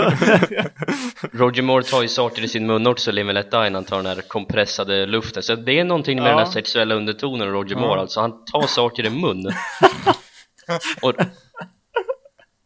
Ja du alltså. det kanske blir ett återkommande element i hans uppkommande fem filmer Vad tar Roger Moore i munnen den här gången? ja, får vi se. Sen kommer ju den här Q-scenen. Ja. Eh, och den måste jag faktiskt säga, det är nog en av mina favorit-Q-scener. Mm. Oj. Är det någon, Ja. är, det- är det någon Samma som är med, är det någon som Jag är med, med. mig på den? Ja. Nej. Ah, halvt. ja men jag, Den är varken eller för mig. Den är inte dålig eller bra, men den gör inget speciellt avtryck på mig. Det skulle jag inte säga. men jag, jag har alltid gillat eh, liksom, eh, Desmond Llewellyns eh, line deliveries när de står och tittar på kulan och sådär. Chap who made a bullet, 007. Lessa! Ja, Lessa. den är faktiskt yes. riktigt bra. Yeah, I concur. Det är, no, det är någonting med deras, för det är väl, vem är det, är det Smithers? Det är som Colthorpe. Colthrope Det är Colthorpe. Eh, Ja. de, de har skön, eh, de har en bra kemi. Det är det som Ja, gör den rolig. Två Liksom. nördar som spekulerar. Ja, lite så. Och så står Roger Moore som en liksom idiot bredvid och bara så här. Ja. eh, What the hell is Lazar? Blir skitförbannad liksom. Ja, Not what? ja, det. Eh, det- Sen det- kommer ju, sen kommer ju faktiskt ett av mina favorit, eh, en favoritversion av Bond-temat också. När han kommer till Macau. Mm? Med lite as- Asien-inspirerat, orientaliskt inspirerad eh, Bond-tema. Det är riktigt snyggt. När han ska gå in hälsa på Lazar. Yes, han åker, Mm. vad heter det? Eh, inte tuk-tuk. Det heter, eh, vad heter det? Rickshaw heter det. Eh, när de drar runt på folk. Ja, Yes. drar runt Ja. folk. Ja, Men Lazar-scenen är också faktiskt väldigt, väldigt en av, bra. min, en av mina Ja. favoritscener i filmen faktiskt. Mm. Ja. Ja, verkligen Där har vi bra repliker också. Ja, jag tänker på det från eh, Thomas Druds recension på Agent 007.nu Jag läste ju den såklart innan jag såg filmen och han skrev minst att det var bästa scenen i filmen som han tyckte och såklart när man såg filmen för första gången så ansåg man att man höll med honom och jag tycker väl det fortfarande det är, är den kanske bästa scenen i filmen överlag ju. Ja, men det för en gångs skull så finns det, det är också sådär att när väl det kommer in, när det finns ett litet mörker i Roger Moores Bond så känns det lite mer, ja, det är lite mer gravitas, det är lite, Mm. Det landar lite på något sätt. Ja, Det funkar när, när, när Moore är lite hård och tuff. det är just att man inte förväntar sig och så kommer det så plötsligt så man tror på hans hot och han är ju fysiskt kapabel till att utföra sina hot också på något vis Ja, så jag har alltid köpt Moores hårdare sida ja. Jo, verkligen. Jag tycker det, det, det är en av Roger Moores favoritrepliker också när, de, när han berättar om, om Bond-filmerna. Han gillar just den här repliken. I'm now aiming precisely at your groin, so speak or forever hold your peace. mm. Den är, ja, den är bra. Skitbra. Den är riktigt Ja, jag bra. gillar den. Och här är ju faktiskt, när jag ändå är inne på det så kan jag ju säga det att här, jag vet att många tycker att han ser bäst ut i Live and Let Die, men jag tycker Roger Moore ser bäst ut här, i den här filmen. Ja, det håller jag med om Jag har alltid tyckt att han är, passar bra i lite brunbränd, eh, ja han, han ser väldigt världsvan ut i den här filmen. Han ser ut som att han hör hemma varje, på varje plats han är. Jag gillar det. Alltså bortsett från hans garderober så ser Ja. han ju väldigt bra ut Eller Just hans garderob, det- utseende bara, ja. men jag, inte kostymerna. Så där är vi helt Ja. eniga. Eh, just att jag, han är lite hade, varmare i kläderna tror jag. Ja. ja, jag hade faktiskt lite om kläderna som jag skrev ner. Eh, ska vi Ja. ta garderoben på en det då. gång? Jag tar det. Eh, nej, men alltså det som eh, slog mig framförallt med kläder, ju och ger jäkligt mycket med kläderna i den här filmen. mm. Eh, men han har ju, eh, det, det som verkligen slog mig, det var ju när han eh, ska åka till eh, eh, High Fat i eh, den vita smokingkavajen. Ja. Så jag tror, alltså det, det, för det första det ser för jävligt ut, det han har på sig. eh, men alltså, för det första så tycker jag inte att Bond passar i eh, vit dubbelknäppt smoking. Det, vissa tycker det är snyggt, jag tycker inte det passar Bond överhuvudtaget. Eh, han har. Bond överlag har inte dubbelknäppt så jäkla ofta. Jag tror det bara är Moore som har det och det är bara han som kan bära upp det också. Men det här är den enda, enda gången han har vit dubbelknäppt och det ser för jävligt Ja. ut. Ja. Eh, och sen också den här stora jäkla flugan. Det finns en, en shot ifrån, ifrån filmen när han är i bilen. Så blir en halv bild in från bilen och då tar ju verkligen flugan upp halva bilden. Det är ju, Ja. Nej, Ja, det är flugor ska eh, inte vara stora. Ja, Nej. som sagt. Bland och, han har en jäkligt snygg, eh, du, det, dubbelknäppt blazer i filmen som är jävligt snygg. Eh, som liknar den som George Lazenby har. Eh, Ja, just det. Mm. Du Mm. Ja, han som är jäkligt i, schysst. eh, han är ombord på...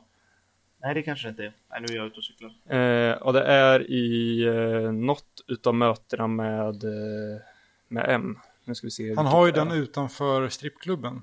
Ja, det var den jag tänkte på. För det är Ja, ju den han har sen när han följer med till Queen Elizabeth också. Exakt. Alltså Den är han. väldigt snygg alltså. Ja, och en cigarr i munnen också. Mycket Ja, bra. det är Mm. väldigt snyggt. Han är väl den enda som har rökt cigarr, visst är det Mm. så? Vi fortsätter på temat med stora saker i Moores mun Ja, exakt. Åh herregud alltså. Ja, sen är det ju förresten, eh, sen är det ju kasino, kasinoscenen. Ja. Ja, En av de minst, eh, minst eh, least memorable av kasinoscenerna i Bond-filmerna. Skulle Ja, jag vilja hävda. Den är väldigt lätt att glömma bort faktiskt. Alltså även här fortsätter ju jämförelsen med Strifefall som jag var inne på tidigare Han är ju i Macau på ett kasino även här Och eh, ja, en liten parentes där Men alltså, eh, han möter ju sen, eh, han går ju till Andrea Anders eh, hotellrum. Eh, har jag missat någonting eller varför eh, berättar inte Andrea Anders direkt att det var hon som skickade kulan? Varför väntar hon med det till nästa möte? Ja, Tystnaden som lägger sig. när, när man ställer en sån jag- fråga. Jag funderade också på det där och eh, jag kommer inte fram till något. nej inte heller För övrigt också en väldigt bra scen. Ja, det är nog också en av mina favoritscener i filmen. Jag älskar verkligen replikerna i den. Ja, jag tänkte precis det, det är dialogen som verkligen, den är Ja. helt grym i den här, i den Ja. här scenen. Mm. Och det är ju den här och scenen med Lazar som jag tycker är filmens i särklass två bästa. Och Moore levererar, alla levererar. Ja, Maud Adams gör den här rollen jätte, jättebra tycker jag faktiskt. Mm. Verkligen. Alltså jag, jag, jag tycker ju Maud Adams är en av de bästa kvinnorna som har varit med i Bond-serien. Inte för att jag är partisk eller någonting sånt. Alltså, Men jag jag, tycker att hon är en av de bättre skådespelerskorna som faktiskt har varit med. jag tycker att hon passar mycket bättre i den här rollen än i Octopussy faktiskt. Okej. Eh, Av någon Mm. anledning. Ehm, Jag vet inte, hon har något Det- sånt där bondskt över sig på något sätt. ja, Jag gillar det. Men just, just, uff, oh, jag, alltså jag, jag garvar varje gång jag ser den scenen. Just när, de, frå- när Bond frågar ut Andrea Anders om hur ska jag känna igen honom? Då först säger hon ju mörk, lång och smal. Och han bara, ja det är min moster också. Kommer då bättre liksom.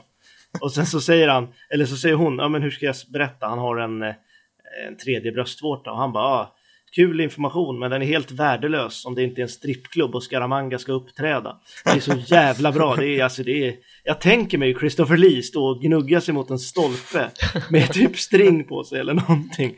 Och det, jag vet inte varför men det är... Varför, det, varför de här replikerna funkar är för att Roger Moore också levererar dem. Ja, Det, det finns ingen humor när han levererar dem. Utan de han är ju sur på riktigt. Ja, exakt. Och därför, det är liksom, ja det är så synd att inte de vågade liksom använda den delen av Moore mer i hans filmer. Utan att det bara kan ju kom det. fram någon gång ibland. Ja. För att han gör det så bra. Ja, I ja. synnerhet mot slutet när han bara går runt och ler och ska vara glad hela tiden. ja exakt. Jag tänkte på Och det, det, det Otto sa, det So is my aunt, So is my aunt Där må han ju åsyftat på sin faster Ja, Som han blev uppväxt med, ja.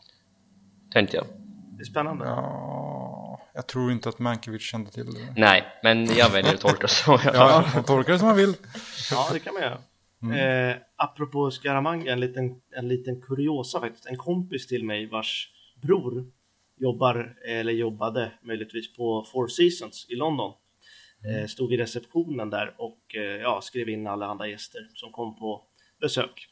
Eh, man skriver in sig när man signar in sig på eh, hotellet. Och eh, så kom det in en herre där på, på eh, i lobbyn och skrev in sig. och vad tror ni han hette? Francisco Scaramanga hette han. Och det är så jävla coolt. Jag fick en chock när jag Va? fick höra det. Jag blev så jäkla... Jag bara, finns det någon som heter det på riktigt? Jag blev helt så här, va? Jag tyckte det var så jävla coolt. Och han kunde ju knappt, för han visste ju Bond vad det var. Han känner ju mig liksom. Eh, och han, han visste ju vad det var, så han hade svårt att hålla ett straight face därefter. Han skulle hjälpa Scaramanga upp med väskorna till, till, till rummet liksom. Ja, Jag tyckte det var så jävla fascinerande bara att det finns folk som heter Scaramanga.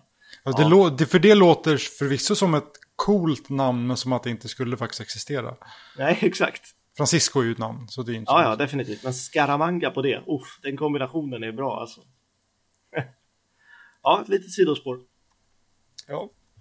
Eh, sen eh, går vi i alla fall på strippklubb. Ja, Ja. det tycker jag. Ja. Det är så, just det där att man möts, när de klipper över den scenen, och möts av en stor trosbak som bara, alltså den tar ju upp hela skärmen. Och ju- musiken som är riktigt... Nej, det är så jäkla dåligt alltså. Där, där märker man ju att filmen är daterad så inåt helvete vad, alltså. alltså vad är det där för typ av ställe? Alltså, det är liksom, servitriserna har alltså bara trosor på sig. Och de sitter på baren när de serverar och så sitter bara kostymnissar runt omkring. Alltså det är så snuskigt och äck, nej. Inget Ja. mysigt ställe kanske man vill vara på. Långt hår som faller ner över bröstet. Och där kommer vi ju in med den här Solex subplotten också. Ja, Eh, Just det. Gibson blir ju mördad. Eh, vad tycker ni om den subplotten egentligen? Nej, den är totalt ointressant för mig. Ja, den gör ju ingenting Nej, det är det. det. Man, man, jag, jag fattar inte heller riktigt varför Scaramanga ens håller på med det där. Nej, för att han vet ju inte själv vad han håller på med Han säger ju det till och med sen att han Science was never my strong side, eller strong suit Så det är Det som, Just det där att det, det hade ju varit bättre om filmen bara hade fokuserat på Scaramanga och Bond mot varandra. De liksom bästa pistolskyttarna i världen typ ska möta varandra. Men så blandar de inte här och man fattar liksom inte. Gör Scaramanga det där bara för att tjäna pengar? Eller vad är liksom... Det är det jag blir så här... känns lite onödigt. Det är inte det filmen borde fokusera på. Ja. Och det är ju, ja, väldigt spretigt. Sen också hela delen med Haifat också. Det, ja, han är med och finansierar labbet, eller vad är det? Och sen så skjuter Scaramanga honom och sen så dör den delen med i det här. Att, jaha, vad händer med, med den hela Haifat? Ja, det- Hans snubbar borde ju vara förbannade kan jag tycka. Ja, det är som att hans livvakt accepterat Hi-Fat precis har dött som ingenting mer och sen tolkar jag det som att Stradamangra tar över Hi-Fats lokaler där på ön låter det som, men han var ju där tidigare i början av filmen också. Så jag förstår, i det här laget i filmen förstår jag inte vad filmen handlar om. Nej, det är för att de, man, de fattar nog inte själva heller vad den handlar om när de gjorde den riktigt. För det är väl, det är som du sa där med bakgrunden att det de har ju ändrat saker i klippningen. För det hänger Ja. inte riktigt ihop. här fram tills eh, när de är i Macau och Hongkong, fram tills det så tycker jag då funkar det. Då är det ändå fortfarande ganska fokuserat. Det är sen när de åker till Thailand som det känns som att det börjar spreta ordentligt. Så det är då jag börjar tappa, tappa allt vad, vad filmen egentligen handlar om. Här känns det ändå fortfarande fokuserat. Men Ja, och sen, sen är det ju också att i var, alla Bondfilmer känns var, varje plats väldigt distinkt vart de är. Men i The Man with the Golden Gun så tappar jag väldigt lätt bort mig. Vart är de?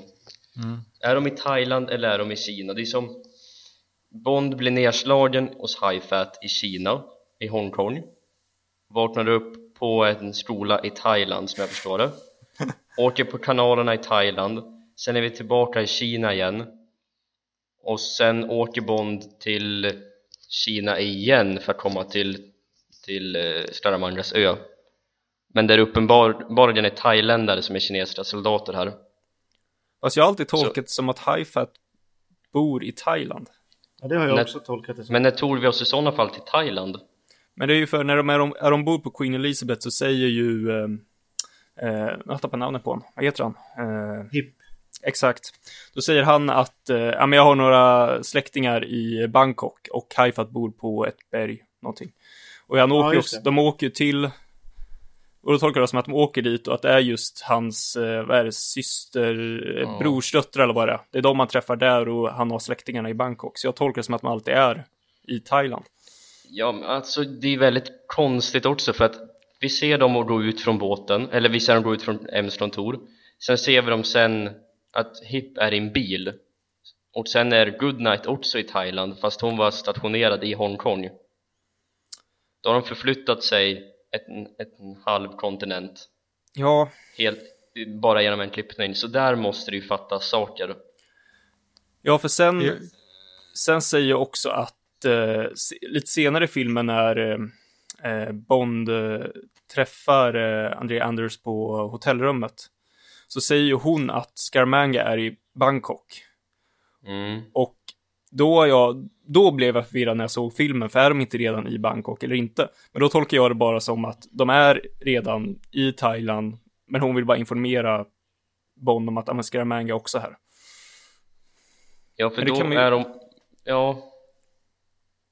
För då flyger ju Stradamandra iväg sen efter biljakten och allt där. Då är de tillbaka i Kina och hälsar på M. Och sen åker han till Kina fast det på kartan ser ut som Thailand.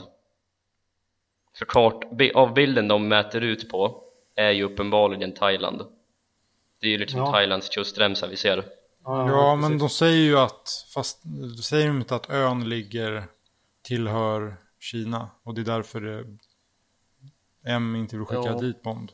Men Kina och Thailand ligger ju väldigt långt ifrån varandra. Även på den tiden. Även på Rent territorialt tänker jag. Eh, Det är väldigt, väldigt märkligt eftersom att det finns ju ingen visuell anknytning om vi är i Thailand eller om vi är i Kina. Nej, de är ju angränsar inte på något sätt till varandra. Nej. Nej, de säger ju att ön tillhör Vietnam. Så är det. Säger de inte Red China? Är det det är därför vi inte får flyga in. Ja, jag tror att det är Kina. vara- Jag är nästan Ja, säker på att det är är Kina. Det. För nu fick Jag jag Det här... ligger, ju, det ligger ju flera länder emellan Vietnam, eller mellan Thailand och Kina i alla fall. Så. Ja, exakt. Okej, jag fattar ingenting. samma sak är det ju Tomorrow Never Dies då de pratar om Vietnam men är i Thailand. Ja, Ja, just Ja, det, det är där de pratar om Vietnam. Just det. Ja, det där Ja, det- är Ja, men- märkligt. Ja. Nej men, tillbaka lite då på spåret här. Eh, jag nämnde vi på Queen Elizabeth och eh, Hip introduceras ju där utanför eh, Bottoms Up Club. Så vi kan ju snacka om han, vad vi tycker om han. ja, jag har ingen åsikt. Alltså, skådespelaren tycker jag väl gör ett helt okej bra- jobb. Han ser ut att vilja vara där och han ser ut att ha roligt också. Och han är ju med ändå rätt mycket men han lämnar inga avtryck på för min del som rent, så rent karaktärsmässigt i alla fall.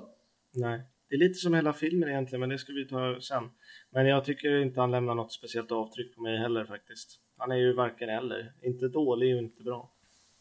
Men det är så konstig introduktion av honom. Varför skulle han vilja... Han liksom lurar ju Bond i början. Att de ska Mm. åka till polisstationen liksom. Det är också typiskt Guy Hamilton som du pratade om, Emanuel, i förra avsnittet. Att Skapa stämning, eller skapa eh, dramatik där det inte finns någon. Ja, exakt. För liksom, ja, för fan, säg direkt att du är, vad han nu är, agent. Varför hålla på liksom och luras och bara, no, we're going to Kowloon side och hålla på. Och sen, och sen hoppar Bond av på Queen Elizabeth. Och så, nej, nej det, det är bara konstigt. Men han som karaktär, nej visst, han lämnar inget stort avtryck, men han är väl, eh, han funkar bra tycker jag i storyn ändå. Eller det han Mm. är gjord för liksom. Och är ganska, han är väl lite små charmig sådär. Om man hade sluppit hans brorsdöttrar. Mm. Han gör ju i särklass det konstigaste valet som någon sidokaraktär gör i någon Bond-film och det är att köra iväg ifrån Bond när Bond är utsatt. Varför? Det är så jätte, jätte, jättekonstigt. Ja, det finns ingen det förklaring överhuvudtaget. Det så finns som ingen förklaring heller. Ja men så här, som, precis, det är verkligen så här, ja, men, vi, vi måste ha en båtjakt. Ja, okej, men då måste ju Bond vara, lämnas ensam liksom. Ja. Hur gör vi då? Ja. Eh, de kör iväg med bilen. Bra, det tar vi. Så, va? Ja, alltså egentligen var va? ju elefantrusningen här efter, efter själva karatescenen. Ja. Det känns som att båtjakten kom till efter att båtjakten var populär i Live and Let Die. Och då ja. bara hafsar Men de ihop något. jag, tycker det är ganska, jag tycker i och för sig det är en ganska mysig båtjakt. Ja, men båtjakter ska inte vara mysiga. Nej, men det alltså... Kort och gott.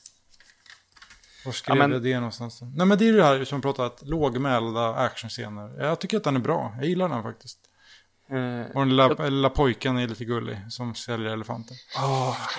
nej men alltså, jag tycker Nej. båtjakten i sig är väl helt okej, men det är ju J.W. Pepper och hans förbannade jävla fru. Ja, Ja, nu, nu pratade jag just båtjakten som enhet och inte eventuella karaktärer som står vid sidan av och tittar på. Eh, Elefantpojken är gullig. ja, han, men han, han är ju skit. Det, det, det tycker jag, det gillar, okej det gillar jag, fine, det är min guilty pleasure. Att eh, det, är, det är något kul med att han försöker sälja den där lilla elefanten och sen puttar bara Bond av honom. Och bara stick. Det är lite det är kul. lite roligt också tycker jag. Roger Moore har ju själv insett det ironiska i det också. Han jobbar ju som goodwill-ambassadör nu för Unicef för utsatta barn i världen. Eh, han, han puttar ner en, en liten tioårig pojke eller vad han kan vara i. Som bara, som bara försöker tjäna lite pengar till Ja, familjen. exakt. I, I en smutsig flod i Thailand. Han tycker det såg så jävla flummigt ut nu i efterhand. Det är som enda gången Bond är riktigt taskig egentligen. Riktigt as han. Ja, Men egentligen, vad ska han, vad ska han göra? Ska, det är ju taskigare att dra med det där lilla barnet på båten och utsätta honom för fara. Liksom. Ge han 20 000 baht i alla fall innan han knuffar ner honom. Låt J.W. Pepper adoptera den. Bond har väl inga pengar i den där dräkten på sig. Han kan väl ta en check eller något. Checkar funkar väl överallt, eller? Ja, Fattar inte. nej, exakt. Då vill men jag veta ska- nu. Jag vill, no, förlåt, jag vill veta, Emil, Ja, vad du tycker om J.W. Pepper och jag vill veta vad Emanuel tycker. jag vill höra en eh, battle nu. Okej, J.W. Pepper. Eh, alltså, grejen är ju den att jag kan tolerera honom i Live and Let Die.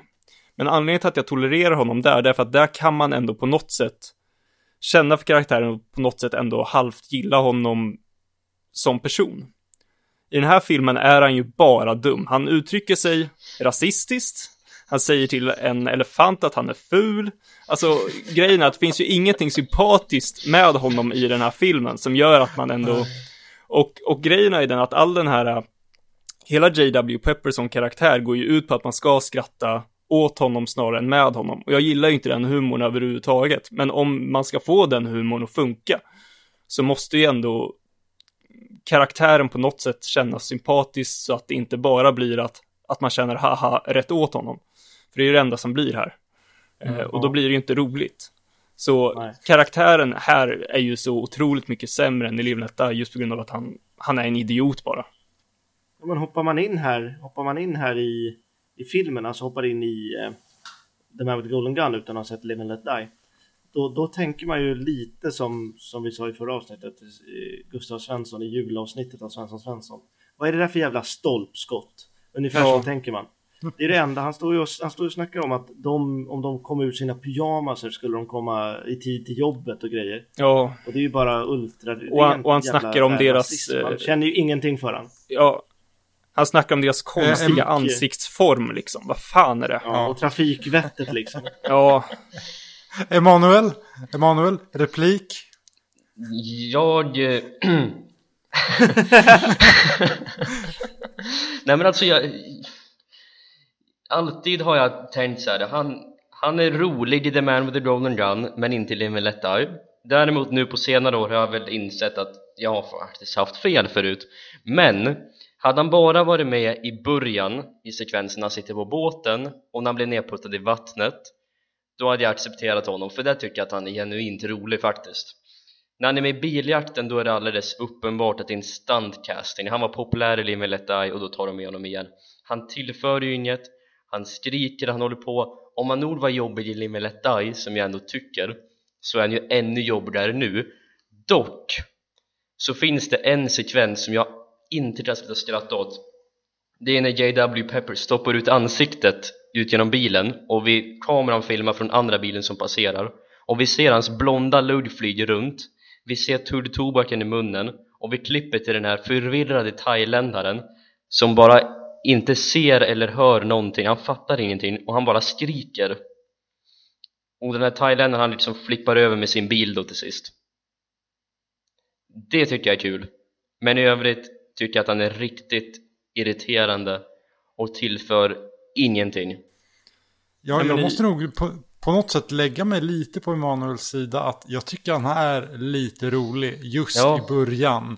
När han är den här vresiga. Han, han har ju tydligen, han har på något sätt i ett svagt ögonblick sagt ja till sin fru när hon vill åka på semester till Thailand. Fast han uppenbarligen inte vill det. ja och där finns det lite humor An elephant, we're democrats. ja, Ja, Det är faktiskt en rolig replik. ja den är lite rolig. Den är lite mer, eh, vad ska man säga, djup i repliken. Ja. Men han skulle ju aldrig ha varit med i den där bilen. Nej. Så är det ju. Nej, det håller jag med om. ja alltså om, om det verkligen fanns en, en efterfrågan hos publiken att faktiskt ha tillbaka J.W. Pepper efter Live and Let Die för att efter The Spy Loved Me förstår jag att publiken vill ha tillbaka Jaws i Moonraker men här var verkligen folk så fästa vid JW att de ville ha honom i nästa film. Och som jag förstår det då ringde de upp Clifton James som spelar JW väldigt sent i processen. Jag tror till och med att de var på väg till Thailand för att börja spela in. Så de sa okej Clifton, vad, du ska vara med i den här Bond-filmen. Vad vill du göra? så tog de in honom och de liksom kom fram lite idéer och sen körde de. För jag uppfattar inte att JW var så pass stor i Let Die att det skulle kräva en återkomst till nästa film Nej, jag tror inte han var populär av publiken. Jag tror att filmcrewet gillade han som person, alltså skådespelaren. Och så tänkte de att han är väl rolig att ha med till Thailand. Ja, Så, ja, men typ så. Sätt han på plan. Han kan väl vara med på ett hörn. Det blir kul. Så tror jag att det var. Ja, för hela båtjakten verkar vara en efterhandskonstruktion efter att den ökända elefantrusningen inte blev av. Ja, och de var ju tvungna att ha någonting där liksom. De, de kunde ha löst att han faktiskt satte sig i bilen och åkte med, men nej. en grej bara jag skulle vilja gå tillbaka till och det är ju som vi inte snackar om. Eh, det är ju den actionsekvensen som är innan och hela den sekvensen innan egentligen hos Hi-Fat. just det, Eh, karaten. Ja, karaten som, ja, ja det, det är bara fruktansvärt dåligt. Men alltså det, det, det är så mycket konstiga moment i den här. Just nu när de har kommit till, nu visste vi inte om de var i Thailand eller om de var i Kina, men där, alltså överlag efter det att de i vart fall lämnar Hongkong efter Queen Elizabeth så är det ju så många konstiga moment. Jag menar, när han kom, bara Haifets ställe är ju bara konstigt från början. Det är något slags kinesiskt tempel, det är japanska sumobrottare och det är någon slags karate-grej, sak. Men när, när han kommer dit, när han kommer dit stöter på de här sumobrottarna som uppenbarligen är i antingen i Kina eller i Thailand. Det vet vi inte. Men bara Fast de den är scenen är Ja, exakt. Och bara den scenen är jättekonstig. Han tar på deras skinkor och det blir konstiga ljud. eh, en av sumobrottarna får tydligen jätteont i skrevet. Skrevet sitter och, sitter och håller sig på, på pungen och sitter där och ojar sig. Alltså det är, det är bara konstigt. Och sen kommer den här, jätte, sen kommer den här konstiga karate-delen med brors eh, döttrarna som också bara, ja, Lite mer närke, närkiska Emil när du säger sånt här. ja, är det så dåligt, Oj, så oj, oj. oj, det är så dåligt, så oj, oj, oj. Ja, det, Så fort du klagar så måste du dra på lite Kumla. ja, lite är det, det är så jävla träligt.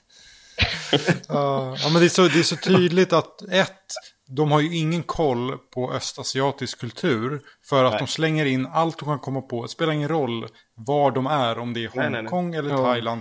Det är liksom, äh, vi plockar in det där och så plockar vi in sumobrottare Ja. i Thailand. Vad fan gör de där? Det är ju Och det verkligen är- jättekonstigt. Ja, exakt. Och det är de här drakarna också som också är konstiga. Det är, och den här, eh, Så mycket blandning alltså. Det är som Ja. att säga, lägga all asiatisk kultur i en smältdegel och så får man ut Haifats tempel. Ja. Det är lite så. Sen, sen vill jag även kommentera på den, den fighten som vi var inne på lite till bakgrunden i filmen med att Roger Moore hade tränat kampsport. Men jag gillar inte den här, den är så otroligt för koreograferad. Så det, den är bara Ja, men det är ju- långsam och konstig. Alltså den där, det där ska ju då föreställa någon sorts eh, karateskola eller någon sorts kampsportsskola. Mm. Eh, och då är alltså Bond och två tjejer, två tjejer som förvisso då har tränat kampsport. Eh, de lyckas hur lätt som helst eh, ja, slå ner de här 15 eh, kampsportarna som går på en skola för att träna karate. Hur, Ja. det måste, Haifat måste ha den sämsta skolan i hela Asien för karate.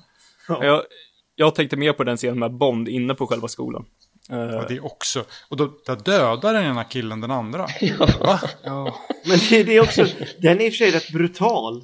Jo. Just för att den kommer så jävla oväntat.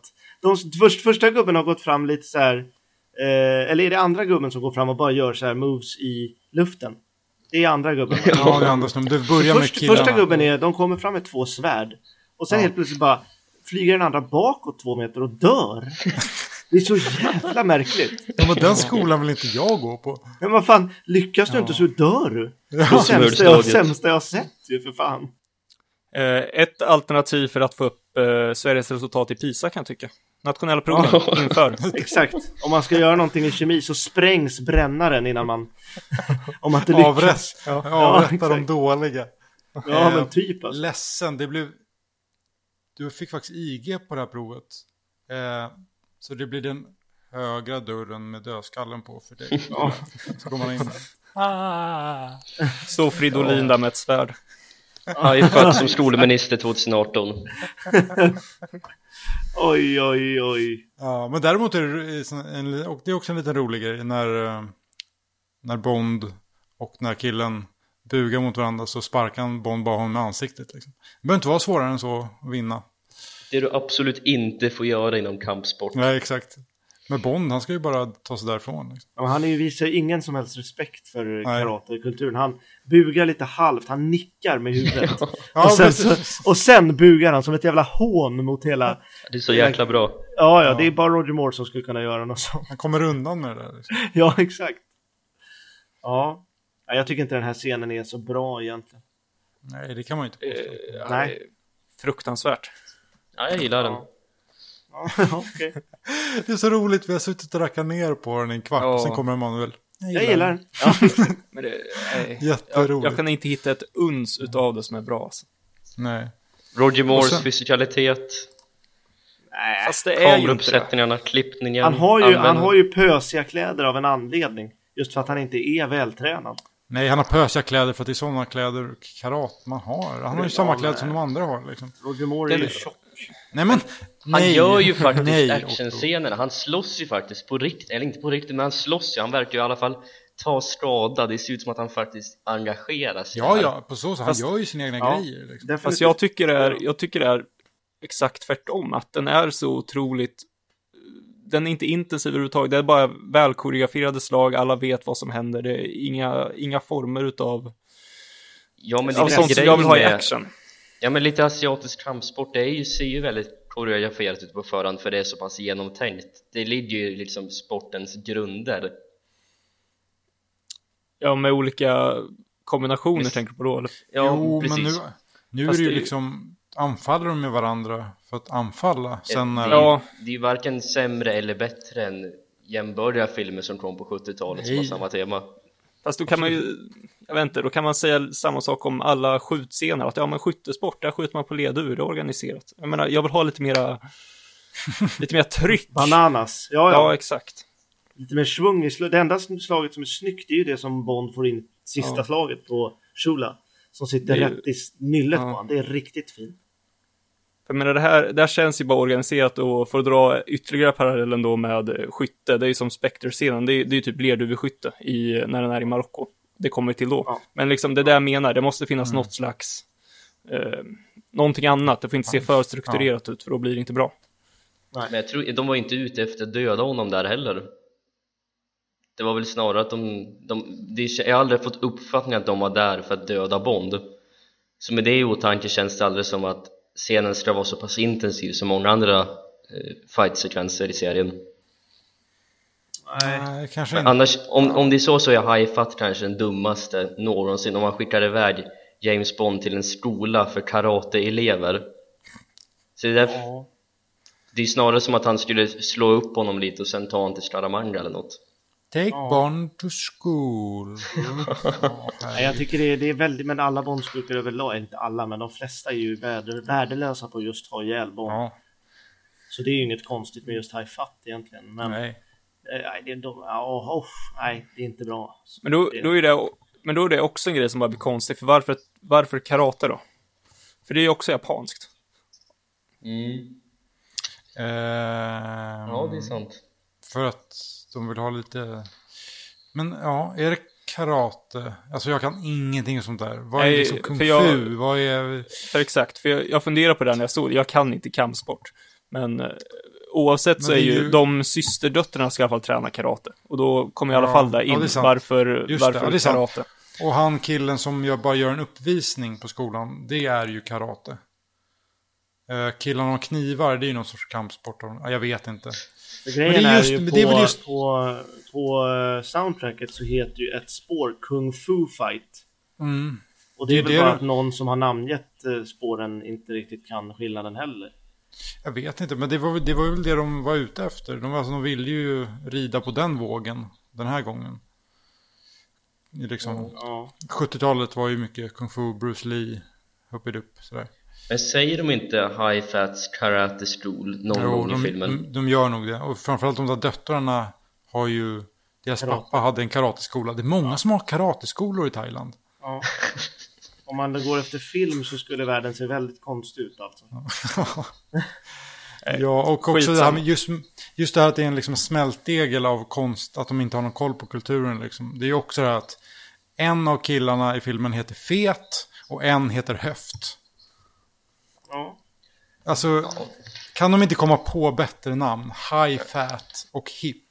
Good Fat och Bad Fat är ändå bättre Ja, Ja. Good Night gillar jag däremot. Ja. Inte Ja, men det är ju karaktären, från- namnet. Det är, alltså. från, det är från böckerna, så det är okej. Ja, ja, precis. Men ja, Emil, lotsa oss vidare. Ja, jag vill jättegärna ta mig vidare. Mm. Eh, och nu oavsett vad vi har sagt förut när vi hade diskussioner om Kina och Thailand. Nu är vi i alla fall i Thailand, vi är i Bangkok. Eh, han träffar eh, eh, Goodnight bland annat, har en middag. Uff, det är riktigt bra tycker jag när han snackar portugisiska eller italienska eller Ja, italienska. To, Ja. to this moment and the moment yet to come. Och säger han att ja, vart är vi om ett halvår? Att det är det som, att i deras yrke kan de aldrig liksom garantera någonting. och det är exakt. sällan man får så pass djup i, speciellt Roger Moores Bond-karaktär, men även i Bondstjärnor överlag. Och det gillar jag riktigt. Ja, Men ja, det kapitaliseras ju inte senare i filmen på något vis, men Fu Yak. ja Fujak är ju en av mina favoriter. Scenen i sig är väl okej, men det är just det. Britt Ekland. Åh. Ja. mm. Ska vi ta den diskussionen också nu? Ja, vi tar väl den så, vi, så slipper vi Det prata vi. henne.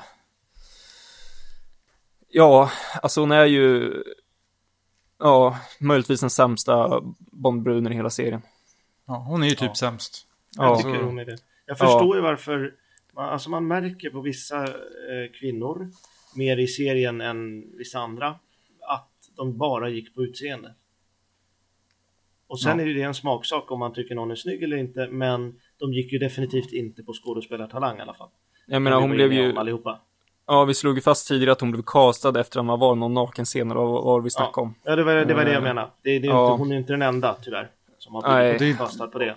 En parentes till det där dock, det var att det visade sen att det var inte alls Britt Ekland som var naken utan det var hennes stunt double som var naken. Ja. ja. Så. Men det är ju så, det är så märkliga är att Britt Ekland, hon var ju skådespelare. Men det var inte Maud Adams. Nej. Maud Adams är ju en modell i grunden. Och det är ju liksom, det går, det går inte att se, det går inte att jag kan inte ens fatta det. För Britt Ekland är så dålig. Alltså hon är, det finns ingenting som kommer ur hennes mun låter naturligt. Och hon har en jättekonstig dialekt fast hon ska spela en britt. Alltså det är, britt. eh, det, är, ju- det, är ju, det är ju bara konstigt. Hemskt. Hon är Ja. sämst. Och det, jag, jag gillar inte att man, förvisso sitter du bara så här, nu sitter jag och bara spyr ut, det låter som hat liksom. Men alltså, hon är faktiskt inte bra i någon scen. Jag tycker faktiskt inte det. Det är Nej. någon sorts all time low för kvinnlig, en kvinnlig karaktär i den här serien. Ja. Jag tycker hon och en annan blondin som kommer längre fram i serien är riktigt kassa. Alltså. Ja, det kommer fler som är dåliga faktiskt. Men den här, Kanske inte i framställningen, men snarare i prestation. Ja. ja, ja, ja, definitivt. Det finns ju vissa, det kommer definitivt längre fram i serien också, eh, vissa kvinnor som har just vissa yrken eller titlar som man absolut inte kan köpa till de skådespelarna. Det kommer vi prata om mer sen också. mm. Men eh, ja, jag tycker inte hon är bra alls. Hon är men väldigt det- dålig. det, jag tycker att det är, ehm, det är väldigt, det är, jag vet inte om det är något med Guy Hamilton eller, men hon är ju som, precis som Rosie Carver. Hon är en, kvi, en kvinnlig karaktär som, det- alltså, som bara porträtteras inte alls som en agent borde porträtteras. Helt fel. Ja, vi har konstaterat att hon är kass. Eh, men sen tänkte jag att vi kan ta oss till thaiboxning och biljakt. Ja, och lite andra asiatiska saker. Ja, men nu är det i alla fall thaiboxning. Det är i alla fall thailändskt. Fantastiskt. Det är det faktiskt. Det här är en ganska Eh, bra scen. Ja, jag, jag tycker den är bra, men jag kan tycka att eh, Scaramangas snack om sin bakgrund på cirkus känns lite konstig. Jag vet det är från boken och så vidare, men det känns... Det tillför inte så mycket till karaktären Scaramanga i filmen och det känns lite konstigt att han ska sitta och snacka där om sin bakgrund på cirkus bland, mitt i thaiboxen. Jag, jag, jag tycker det känns konstigt. Även här drar jag paralleller till eh, Silva i Skyfall Det är lite samma introduktion, han pratar om sin bakgrund, varför han är som han är Hans tjej har precis blivit skjuten av honom Lite samma dynamik där tycker jag Ja, Jag håller inte alls med. Jag tycker inte Scaramanga som karaktär har redan etablerat så pass mycket tidigare i filmen i flera vändor och eh, jag tycker inte Scaramanga behöver inte det i den här filmen. Till skillnad från Silva i Skyfall, för där är det ju första gången man träffar honom så är han, han är den här monologen, första gången man får se Silva i Skyfall. jag gillar, jag gillar bakgrunden Visst, det tillför ingenting rent, rent eh, handlingsmässigt men det ger ju ändå honom lite mer förståelse och även med Bond att båda liksom var föräldralösa och sådär sen tidigare. Så att även där så känner jag lite paralleller mellan de två. Även fast det inte utfört nära så bra som det skulle kunna vara. Ja, ska, ska han dra in det? Ska han ha den monologen så får han väl, jag vet inte, mitt på jag vet inte, det känns konstigt att dra där vid det här tillfället, framförallt om man nu vill ha med det. Eh, Ja, det kommer lite sent också. Det är som att de borde kunna träffats tidigare, ja, någon gång Jo. i filmen. Jo, men det jag menar, det kommer sent, det kommer sent så är karaktären etablerad och det är mitt under en thaiboxningsskala. Det känns, nej, Fast jag köper det just för att det är första gången de ses. Och Scaramanga säger att det blir också sista gången. Så han passar på att liksom liksom eh, han möter sin... eh, Scaramanga möter sin eh, nemesis. Eller vad man ska kalla det för, som han ser det. Och då vill han berätta lite om sig själv. Jag tycker att det funkar ändå karaktärsmässigt. Ja, ja. Ett annat problem som i alla fall uppenbarar sig här i den här serien, det, det har ingenting med scenen i sig att göra, utan snarare med själva manuset, det är att i serien innan så berättade ju Andrea Anders att det var hon som skickade kulan och sen så nu så dör hon, vi får inte reda på varför hon gjorde det, vi får inte, det finns ingenting i hennes karaktär som egentligen säger så mycket om varför, som ger ger så mycket förklaring till det, och det där reds ju aldrig ut heller i filmen, så det var ju bara en tråd som öppnades som sen aldrig ledde någon vart. Det här är väl nog det tydligaste exemplet på att någonting är bortklippt för det sista vi ser av henne det är att hon lägger in smyckena i, i kassaskåpet. Vi ser Solert sin ligga bredvid sen klipper vi till thaiboxningen och då är hon död vi borde ha sett någonstans att hon tar med sig det att Scaramanga ser och att han sen skjuter henne Ja, jag tycker man ändå fattar. Jag kan förstå att om det nu att de ville snabba på det så där kan man ju ändå ganska enkelt fatta vad som har hänt. Jo, men det gör ju som ingen det ger ju ingen tyngd som det skulle kunna ha funnits så att hon är ändå en karaktär som har kommit Bond rätt nära de har, ändå, liksom, de har ju sex med varandra kvällen innan och sådär, de har ju pratat och sen är sen är hon död, vi bara hoppar från kväll till en dag Ja, ett ställe till ett annat Fast alla som haft sex med Bond har inte kommit han nära precis. nej, De är rätt vis, många. visserligen men men det var precis som när hon kommer in i filmen på riktigt, ja då dör hon Mm. Fast först ligger hon med Bond. Så är det alltid. ja, så är det alltid och sen kommer en ganska typisk Guy Hamilton biljakt. Ja. Ja. mm. Som Emil var inne på, krascha amerikanska bilar. Ja, nej, men det finns ett par helt ganska snygga klipp och så eh, när de eh, vet du, det, racear på gatorna, men i övrigt så ah, gör inte så mycket för mig. Det, det är hoppet, stunthoppet, Så jävla bra. som tyvärr förstörs. Ja, men det är ju, jag tycker att det där är seriens bästa stunt.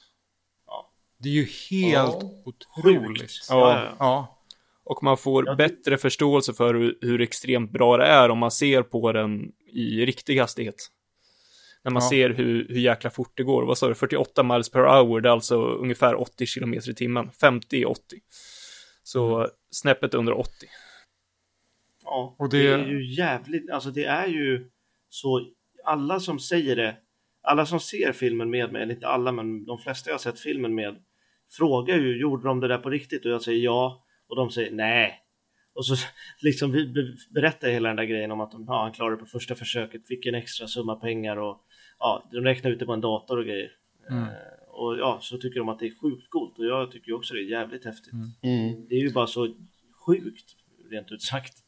ja det är ju Ja. ett helt Ja, otroligt jävla stunt. Alltså hade de räknat fel på en centimeter så kanske det inte hade gått. Liksom. Alltså det är så galet. Ja. Och sen kommer ju den där visslan. Mm, Och J.W. Pepper. herregud. Ja, två saker som Alltså, förstör. Alltså, själva det- stuntet är ju snyggt.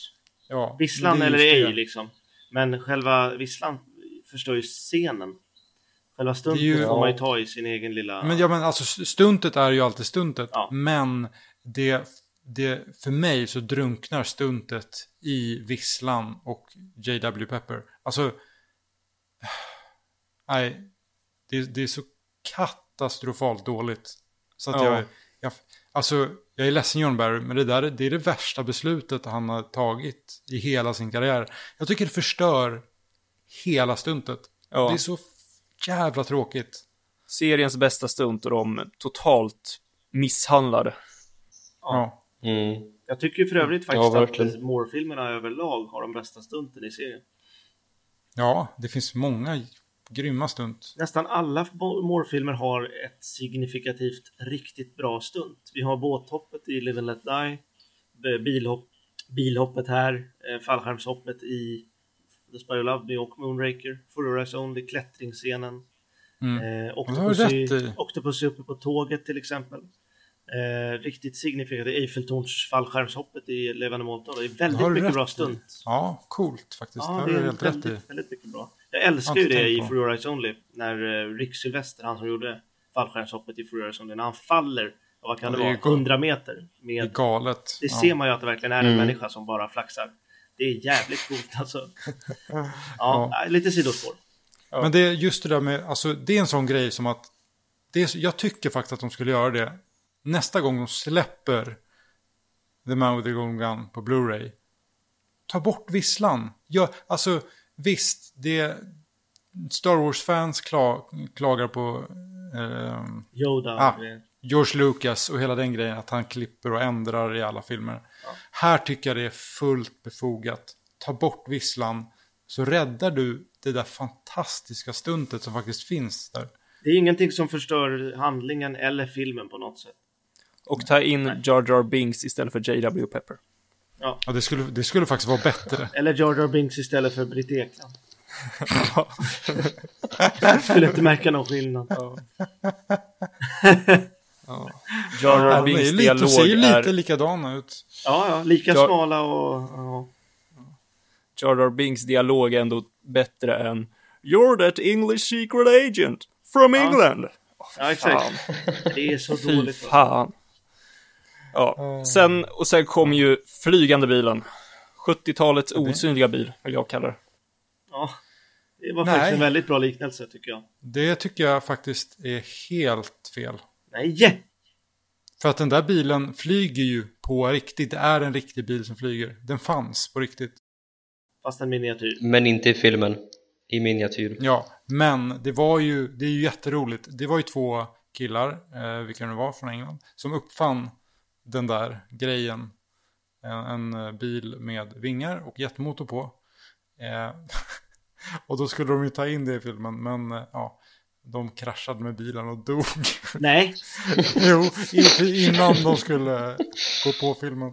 Oj. Det var därför de, därför de var tvungna att göra det med miniatyr istället. Oj, skadeglädjen alltså. Och Oj, oj, oj. Ja. Det är inget att skratta åt, men Ja, men det, det är verkligen så här. makabert Det verkligen. det är så ironiskt. Ja, ja, verkligen. Alltså hade, hade de inte...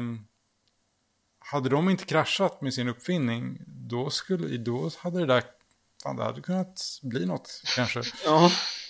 Ja. Jag vet inte, det, kän, det känns ändå, även om de hade gjort det på riktigt så hade det ändå känts lite så här, ja men okej, varför har vi med det i filmen? Jo, för att vi kan. Och Ja. det är inte ett bra argument för mig.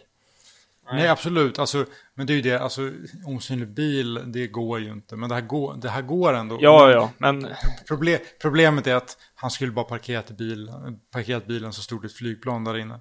Ja, Ja. Det är ju mer bara för att det ska vara lite coolt. då klipper vi och drar till... Jag åker till James Bond Island. Ja, den heter ju det nu. Ja. James Bond Island. Jag vet inte vad den heter egentligen. Kokao Pinkan, tror jag. Någonting i den stilen. just det. Coolt. Ja. Eh, men vad händer här? Ja, men... Eh, ja, Nick Knack kommer fram. Och säger Ja. Bonjour, Monsieur Bond. eh, Håller på. ja. Det är inte bra. Vad tycker vi egentligen om Nick Nack och Scaramanga som, som skurk, skurkparet? Vad säger man? Alltså de är ju en, nu bara tog jag ordet, men jag gör det för att jag kan. De eh, är ju två av de mest ikoniska, ja, en av de mest ikoniska duon i alla fall, eller duos, vad säger man? Ja. En av de två mest ikoniska paren i alla fall av skurkar i Bond-serien, vill jag nog hävda. Båda två har ju figurerat rätt mycket i, i eh, spel till exempel, tv-spel. Tv-spel? Ja. Och eh, de nämns ju ganska ofta. Dels för att eh, ja, Nick Nack är kortväxt och eh, Scaramanga är mannen med den gyllene pistolen. De är ändå rätt ikoniska på, på sina sätt.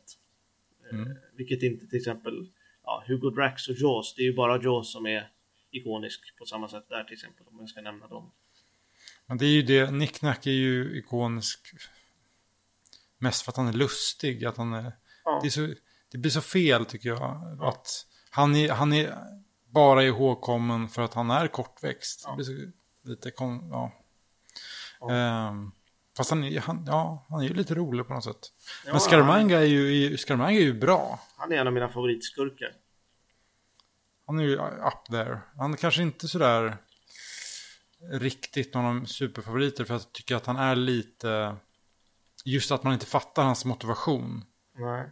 Just Jag- det här med att han håller på, han är lönnmördare fast han håller på med den där soul-lexen och liksom. Ja. Det är det som jag inte riktigt... Jag gillar honom. Som fan. Ja, absolut. Alltså Christopher Lee är ju grym. Ja, det kan ju vara den bästa skådisen som har gestaltat en Bondskurk någonsin. En av de bättre, absolut. Ja, Mm. jag tycker han är, han är spot on. Det jag tänker på, han, han som jag såg nu när jag, när jag eh, kollade på filmen, det är att han bara har två ansiktsuttryck. Antingen så ler han eller så ser han helt ursinnig ut. Mm. Han tittar på Bond och ser arg ut eller förnärmad ut när Bond inte Mm. säger något positivt och när han säger något positivt så är han jätteglad. Men någonting som han inte har två av, det är bröstvårtor. Han har tre. Exakt. Det är det här filmens, är det här Bond-seriens, som du sa på Lisong om Diamonds Are Forever, är det här Bond-filmens tredje bröstvårta? Bond-seriens tredje bröstvårta? Tror det. Den är lite udda den här filmen. Ja, verkligen, verkligen. Jag tycker väl att Scaramanga är en av eh, filmens höjdpunkter. Jag, jag vet inte, jag hade kanske velat eh, haft en lite syrligare Scaramanga, men jag tycker han är bra. Han är väldigt bra. Ja, han är, han är väldigt glad. Ja, li- mycket. lite väl glad kan jag tycka. Ja, han är som en söt apelsin, inte tillräckligt sur helt enkelt. Va? Man vill ju inte ha sur Jag fortsätter på eh, ämnet, avdelningen dåliga liknelser. Yes. Check. Ja men han är väl bra, framställs bra Christopher Lee men eh, jag hade ju velat sett lite mer fara bakom honom med tanke på att potentialen för en lönnmördare som kan ta ut Bond med ett skott eh, är enorm så kapitaliseras det ju inte särskilt men som man presenteras och som han är så tycker jag ändå att han är helt okej okay. han har aldrig varit en av de bättre Bondstyrkorna för min del utan han är okej helt enkelt. Jag gillar dynamiken med han och Nick Nack, just att Nick Nack gill, han, han gillar ju Scaramanga men han vill gärna se honom död också för då får han ta över hans förmögenhet och även ön. Och Nick Nack i sig tycker jag är rätt charmig också och lite obehaglig sådär. Han fick ju till och med ett eget program som liksom centrerar runt hans Nick Nack persona. Eh, vad är det den heter nu? Mm, vad heter tv-serien? Ja, du menar. TV-serien? Fantasy Island. Ja, exakt. precis. Eh, Fantasy Island, stämmer. Ja, som gick i många, många år i USA på 70-talet, äh, 80-talet. Men ja, helt okej. Inte... Ja. Ja, men alltså, jag tycker inte att han är... Jag tycker inte eller, mm, Scaramanga är... Han är inte någon av mina absoluta favoriter. Men jag tycker fortfarande han är väldigt bra. Eh, men han, han nämns ju ofta som... Väldigt många nämner han som en av sina favoriter. Och jag kan ändå förstå det. Även om jag... Ja, det är väl också lite eh, oortodoxt att jag faktiskt tycker att eh, Mr. Big är en bättre skurk. Om man nu ska jämföra Live Eye och den här. Eh, men det är ju lätt då att man just parar ihop dem och jämför dem med varandra. Eh, så det är just det där att Scaramanga blir aldrig riktigt tillräckligt hotfull för att han ska funka för mig hela vägen. Men han är fortfarande liksom väldigt, väldigt långt upp på listan. Och vad tycker du om Nick Nack? Ja, ja men jag var... Jag vet inte, vad, vad sa jag förut? Ja, men han är väl okej. L- Lite för, blir lite för mycket lytisk komik kring hans karaktär, Ja, tycker jag. men jag känner likadant. Det är lite, lite mycket att han ska vara eh, roligt för att han är kort. Eh, Jag tänker framförallt på scenen hos Hi-Fat när han går in och med sumobrottarna, då är det först de stora sumobrottarna som inte kan eh, ta Bond och sen så kommer Nick Nack och slår honom. Och så ska det bli sen- någon slags rolig dynamik i det som jag inte tycker är så rolig. Ja, så slutar, slutar det med att han blir inlåst i en resväska. Ja. Det är ju riktigt taskigt, Ja. alltså det är sällan Bond är så taskig som han är i den här filmen Det är ju det är en av få gånger som jag verkligen reagerar att wow, det här, det här går han faktiskt lite för långt faktiskt två grejer som introduceras som jag stör mig på. Eh, för det första labbet tror jag, det är ju skitkonstigt. Eh, det, det ska alltså vara flytande helium i de här uh, barnbassängerna. Och flytande helium är alltså en lägre kokpunkt än kväve. Det är det ämnet som har lägst kokpunkt. Och det här ligger alltså helt öppet utan instängt. Eh, och tydligen så är det att om en person ramlar i så kommer det bitvis att öka det över absoluta nollpunkten, vilket är strax över som det kokar. Alltså det här är ju, ja, konstigt. Jag, jag, jag kan stör- ingenting sånt här. så Nej men alltså, nej, men alltså oavsett om det hade varit, alltså det, det är ju inte, Bond ska ha en fot i verkligheten och en fot i fantasin. Problemet är att här, de kan ju ta någonting som ska vara verkligt och förvränga det. Det är därför de i Moonraker har en blomma som inte existerar. De kan inte ta en tulpan. Tar man tulpanen så dör någon bit ur, en tulpan så dör hela mänskligheten. Därför det funkar inte. Eh, de har i alla fall kunnat försökt framställa det här lite mer verkligt. Eh, och det, det stör man på. Sen också det här jäkla, ja vad är det, det här vapnet som man får, lasern var det nu. Ja, Okej, ja men vad är det? Jo, men det är som en granat, eh, ett granatgevär fast mycket sämre för du kan inte flytta det, du kräver en massa saker och det är bara allmänt dåligt. Och sen används det en gång i filmen och de glömmer bort det. Jaha. Ja. Vad gör det fast, där? det, fast den verkar ju ändå fungera bra för när Bond har tagit bort Solexen, som då, den lilla grejen är ju den som man måste ha för att den ska kunna omvandlas till energi. Då funkar den ändå. Eller hur? När Nej, solen kommer... solen, menar, sitter solen- väl där. Ja men nej, men jag menar, ja, skitsamma, vi kan, ja. Nej men det här, det här har ju inte med själva laserstrålen att göra, utan med själva solexen som samlar solen och gör energi till det. Ja, jo. Ja, Den lagras väl på något sätt antar jag. Bond, men Bond plockar ju bort den. Ah, skitsamma, det är ju jättesnurrigt, för det är solen går ju i moln. Mm.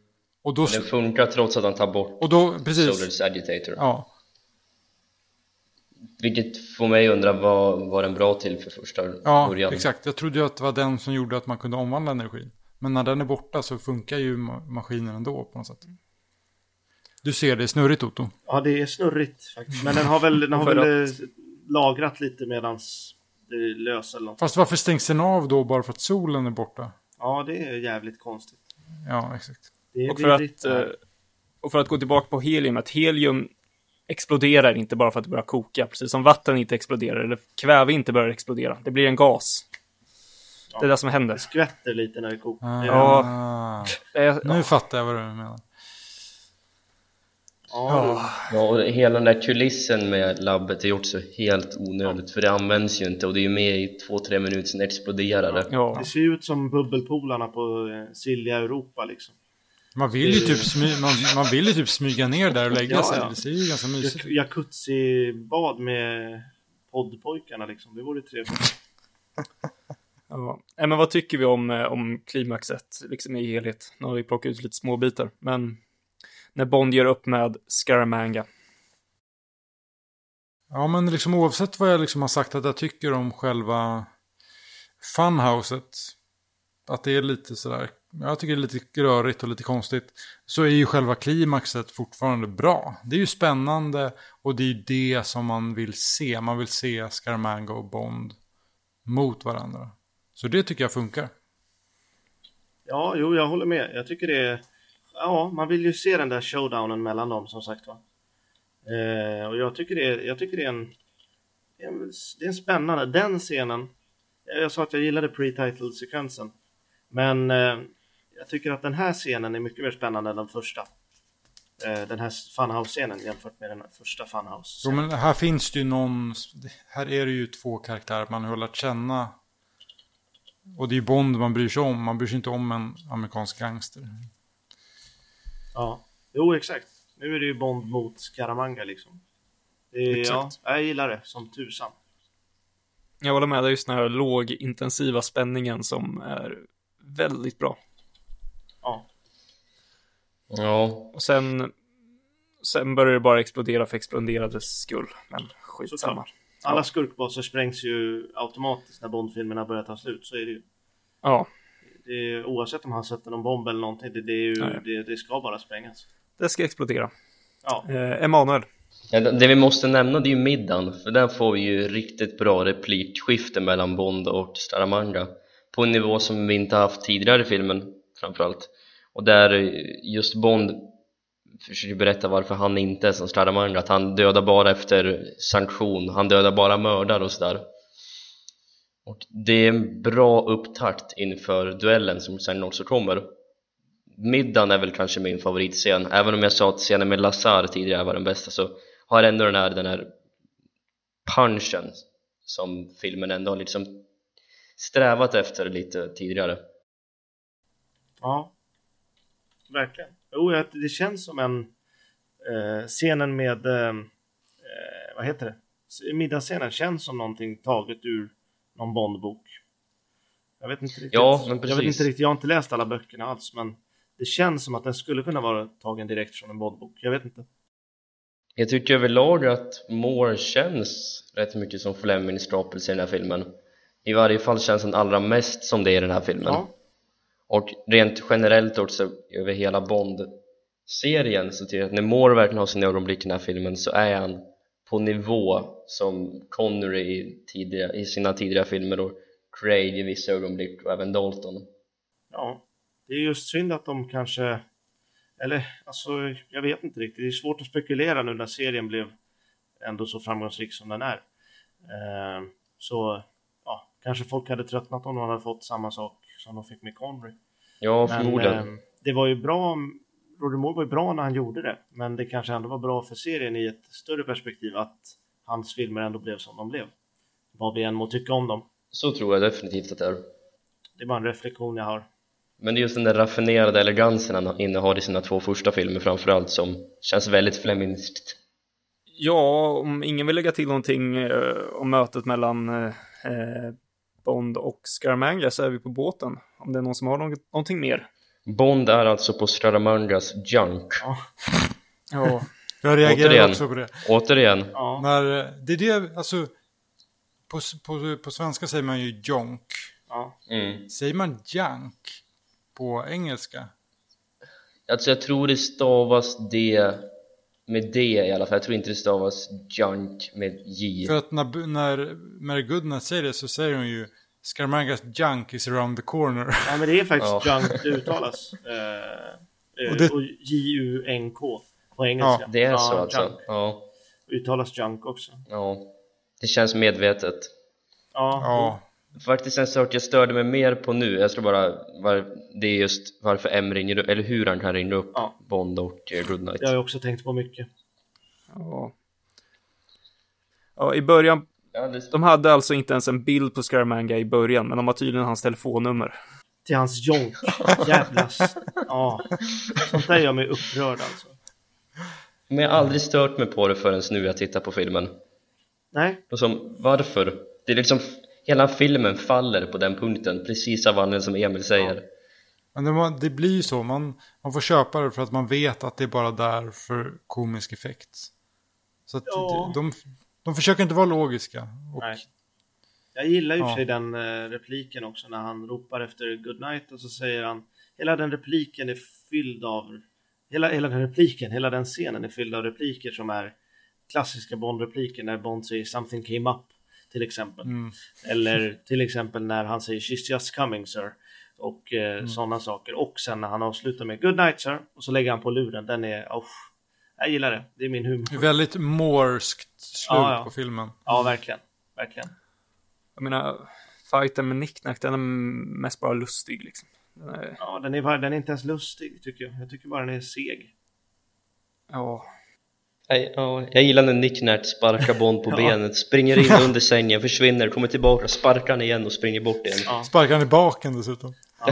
Eller han puttar väl till han i baken eller något. Jag. Det blir lite slapstick över det, ja. Är det någon som har sett Ahmed the Dead Terrorist? Han som säger I'll kill you hela tiden.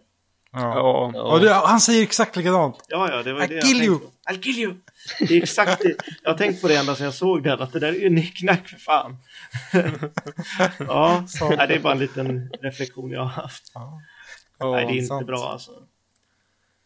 Nu vill jag vila min röst och höra lite musik. det vill jag med göra.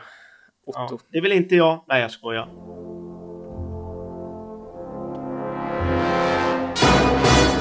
Yes, eh, musikavsnittet. Det här är rykande färskt. Jag satt och skrev på det när vi började podda. Eh, och eh, ja, eh, förra filmen så var det ju inte John Barry som skrev musiken, men nu var det det. Eh, och det är just, eh, ja, han eh, kom tillbaka just för att Broccoli, Cover Broccoli kände att de behövde någon som snabbt kunde leverera både en låt och ett score helt enkelt. Eh, och ja, nu fick han göra musik till en ny Bond-skådespelare och chans att uppdatera Bond-soundet som han hade gjort tidigare med Honor Majesty's Secret Service. Och som jag sa tidigare också här i filmen här så börjar ju verkligen stråkeran att träda fram. Eh, och just i Gun Barrel-sekvensen är det extra påtagligt när gitarren inte är kvar utan det är stråkar och trumpet. Och eh, titellåten var vi inne på. Eh, ja, vad ska jag säga mer? Jag tycker det är en av seriens absolut sämsta titellåtar. Inte åldrats väl, inte storslagen på något sätt. Det var väl de, replik, eller de eh, anteckningarna jag tog. Men eh, sen så är det faktiskt så att eh, jag tyckte att vi skulle lyssna lite på låten i alla fall. Eh, jag har gjort det tidigare, men vi spelar lite av den här också. Love is required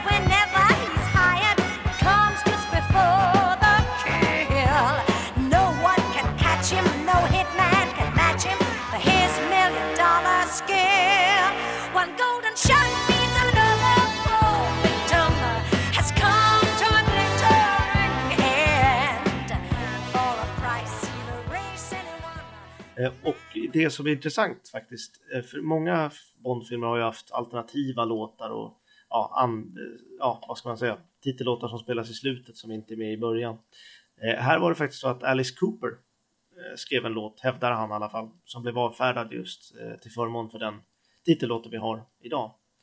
Eh, och låten heter The Man with the Golden Gun eh, och förekommer på Coopers album Muscle of Love. Eh, och den tycker jag definitivt att vi lyssnar på lite nu också.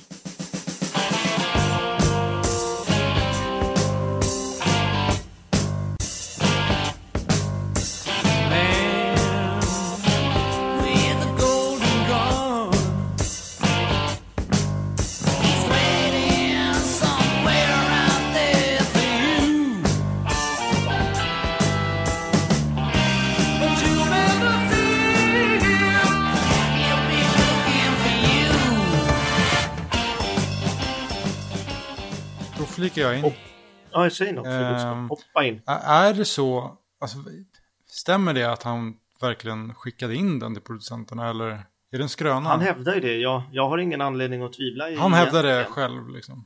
Ja, och låten heter The Man with a Ja. Golden Gun. Så jag Och han sjunger om, han sjunger om exploding milk bottles. Ja, det är sant Och faktiskt. var kommer det in? Ja, det kommer in i min favoritfilm. Mm. Älskade spion tänkte jag säga. The Living Daylights. Eh, Yes. Men jag tycker, ja det är inte någon superlåt, hans version heller. Eh, jag tycker ändå det är rätt bra att de eh, valde Lulus låt ändå. Eh, för jag, ja, ändå om jag avskyr låten som sådan så passar den faktiskt utomordentligt i filmen tycker jag. Du menar själva Ja, och Barrys- musiktemat liksom? Ja, precis. Barrys instrumentala versioner helt enkelt. De är ju verkligen vackra tycker jag. Och väl genomförda. Eh, och ja, Barry själv, han hävdade ju också långt senare att låten var en katastrof, men soundtracket var enligt honom i alla fall quite good. Vad nu det kan innebära med Barrys standard. Men eh, sen så är det ju också så, tycker jag. Eh, ja, jag tänkte vi kunde lyssna på några olika versioner först av titellåten.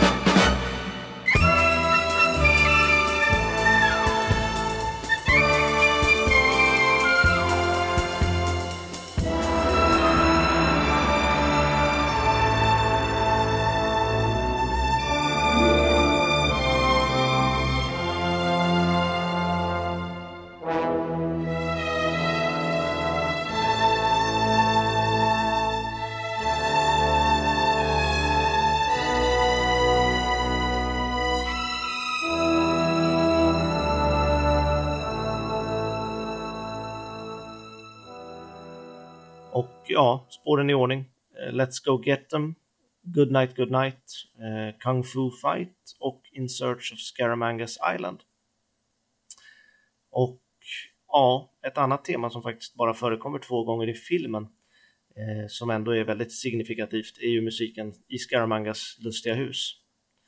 Eh, och det förekommer ju dels i början av filmen då när Scaramanga har en duell med en lönnmördare då och i slutet av filmen när Bond letar efter Scaramanga in i det lustiga huset. Eh, och jag tycker det är väldigt mystiskt och spännande. Eh, och slutet av den versionen som spelas just i slutet av filmen är ju sällsynt intensivt och ja, eh, ja, vad ska man säga, har en väldigt bra uppbyggnad till just slutklämmen om man säger så. Och eh, ja, jag tycker vi tar och lyssnar lite på båda de två versionerna.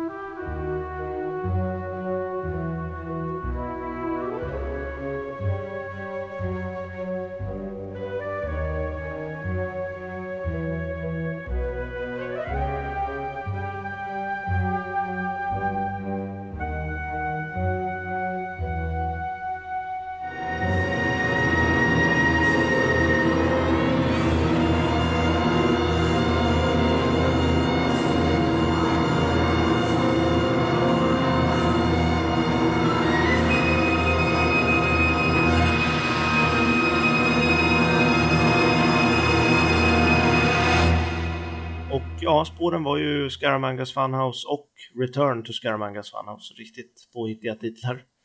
Men eh, det här soundtracket eh, använder också förvånansvärt mycket av mitt, ja, ett av mina favoritinstrument i alla fall, och det är piano. Som ni kanske tänker på när jag säger det. Eh, att det är väldigt mycket piano i, i soundtracket och inte bara i bakgrunden utan faktiskt eh, ganska mycket piano som hörs. Att det är piano just. Och eh, ja, jag tänkte gå in på det nu när jag pratar om piano, att det används också till bästa effekt enligt mig i mitt favoritspår. Eh, och det är spåret som heter Hips Trip. Eh, och jag tycker det är så ja, fantastiskt mörkt och spännande och ja, med en grymt rak och väldigt taktfast rytm som återkommer hela tiden i princip. Jag tycker det är helt fantastiskt och jag tycker vi tar och lyssnar lite på det också.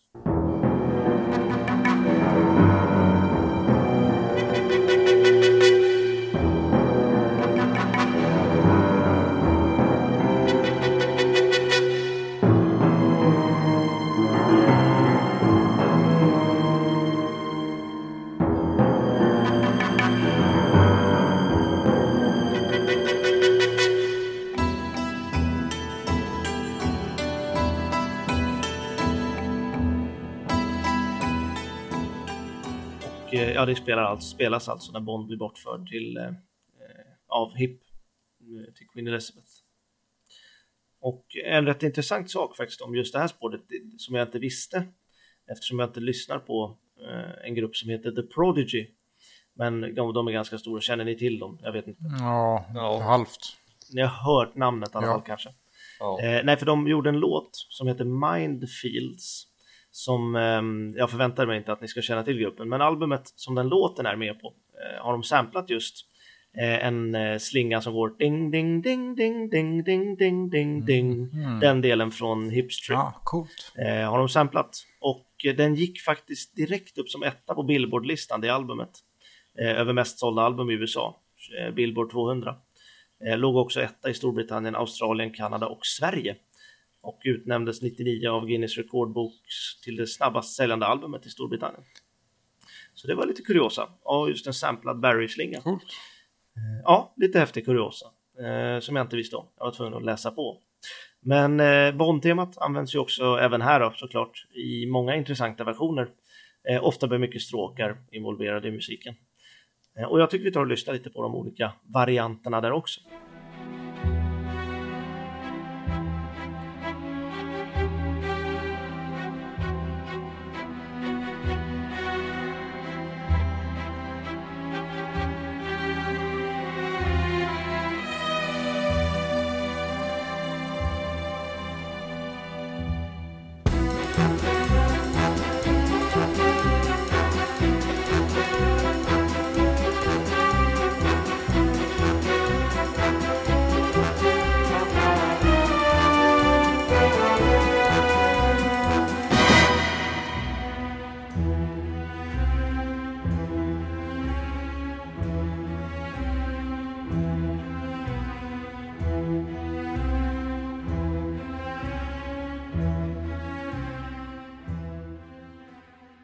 I ordning så var det ju Shoe Me in Grizzly Island, eller Grizzly Land ska jag säga, Grizzly Land. Eh, Let's Go Get Them Again och eh, Return to Scaramangas Funhouse. Och en liten intressant sak eh, som händer i just den här filmen är att en tidigare titellåt förekommer väldigt kort i filmen. Är det någon som kan gissa vilken det är? Live Let Die. Ja. Yes. Eh, och den spelas instrumentalt av eh, träblås när J.W. Pepper får syn på Bond första gången i Thailand. Eh, det är ju en annan film bara som har där titellåten från en tidigare film har figurerat. Det är Hennes Majestäts Hemliga Tjänst.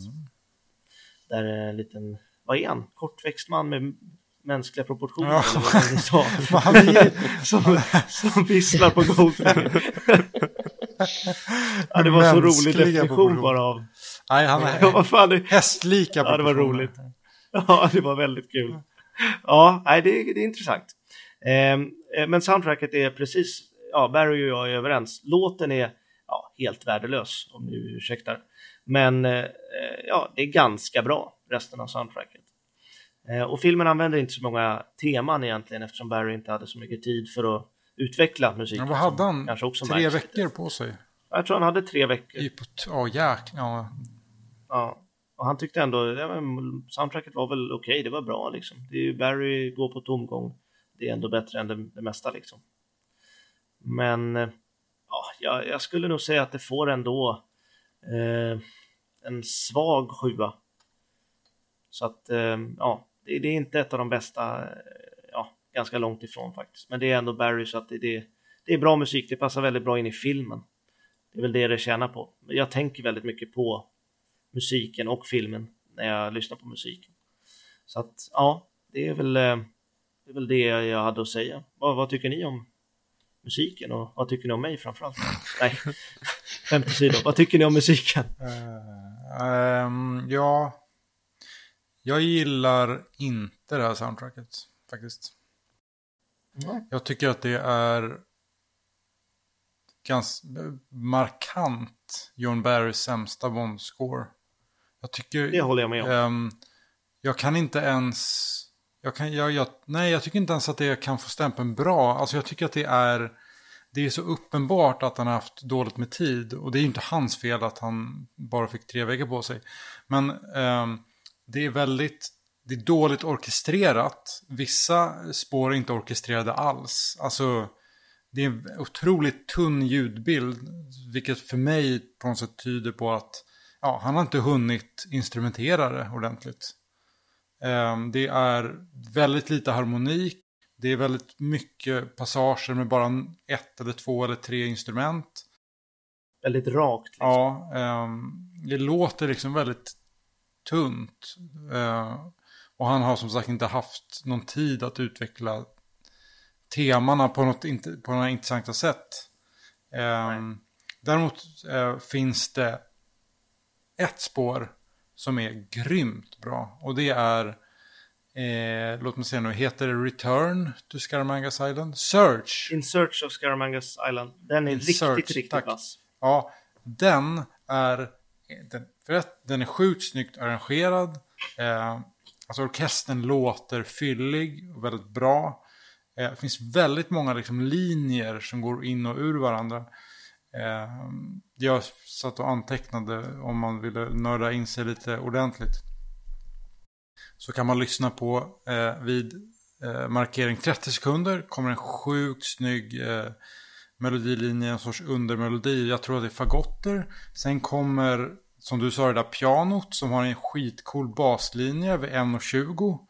Eh, tillsammans med en flöjt, melodi som ger en ascool kontrast.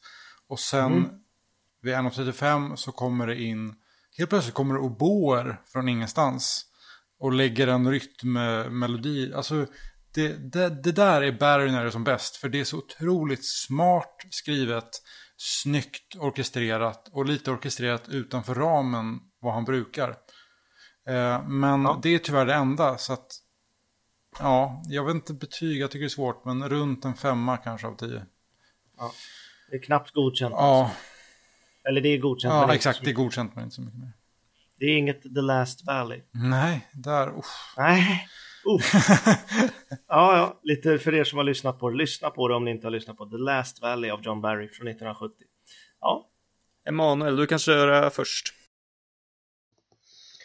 Ja, soundtrackets starka sida är att man associerar den väldigt mycket med filmen John Barry använder ju i princip bara samma spår om och om igen känns det som. Det är Ja. samma användning av titelspåret och samma användning av Bond-temat.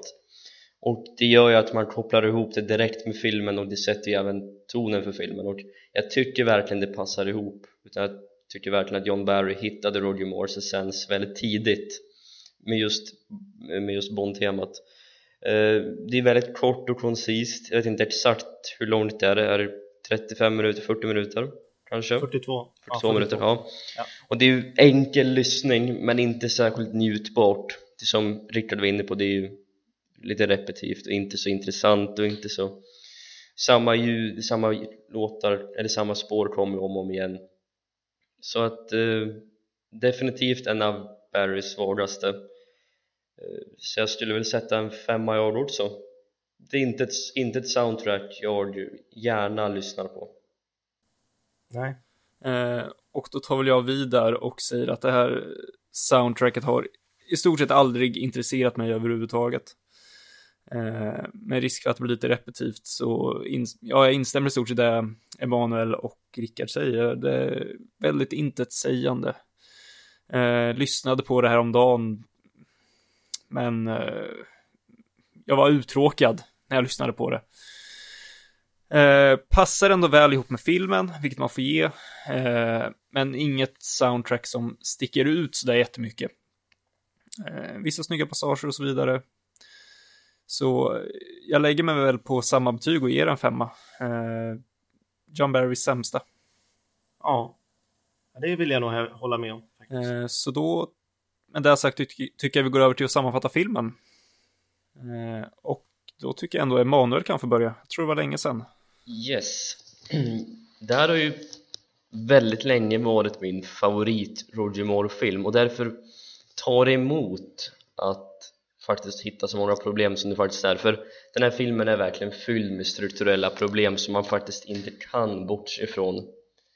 Den har en, visserligen en skön stämning, jag tycker Roger Moore verkligen gör en väldigt bra prestation. Samma sak med Christopher Lee jag nämnde lite där om fotot i början av Ted Moore och Oswald Morris. Filmen är förvånansvärt fin. Det är väldigt många intressanta färger som används. Eh, det är mycket berättas visuellt. Det är förvånansvärt mycket tystnad som jag nämnde tidigare. Och det känns som att Guy Hamilton på något sätt hade hittat sitt sätt att göra Bondfilmer och förde det egentligen till max och med ett bättre manus så skulle The Man with the Golden Gun definitivt varit en väldigt mycket bättre Bondfilm men det är just det att det finns så mycket outnyttjad potential och så många ögonblick man bara kliar sig i bakhuvudet och undrar vad det är som händer som gör att det blir en väldigt stökig filmupplevelse.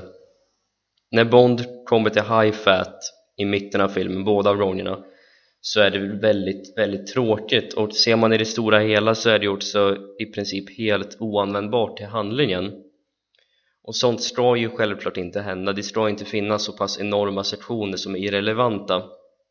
Och även om alla försöker sitt bästa och även om det är fint foto det är bra skådespelarinsatser så fallerar det helt och hållet när filmskaparna inte verkar ha någon aning om vart de är i strukturen. Så att även om jag tycker att filmen är bra, även om jag gillar den förmodligen mer än de flesta andra så faller den något så enormt på att den är så pass ologisk och att den har så pass många onödiga karaktärer att den ändå aldrig kan bli bättre än sina bitar. Och den har många väldigt nästintill graciösa scener, många väldigt intressanta och bra scener så faller den ändå något så enormt på just den här ovissheten och jag, jag måste säga det nu när vi lämnar Guy Hamiltons tid att jag har verkligen gillat framförallt Live and Let Die och den Man Grown Guns just visuella stil, att den är småskalig. Det känns lite bekvämt. Och jag hade nog kunnat sett att det hade kunnat kommit fyra, fem av sådana filmer, bara små budgetfilmer med små täta historier bara de hade haft bättre manus.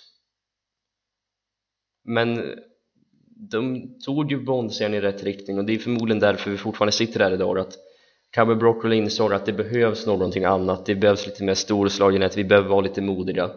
Och därför kom det Spy Love Me som en motreaktion mot den här filmen. Så jag, jag har sedan jag såg filmen häromdagen brottats med mina åsikter även här för att jag vill gilla den mer än vad jag faktiskt gör.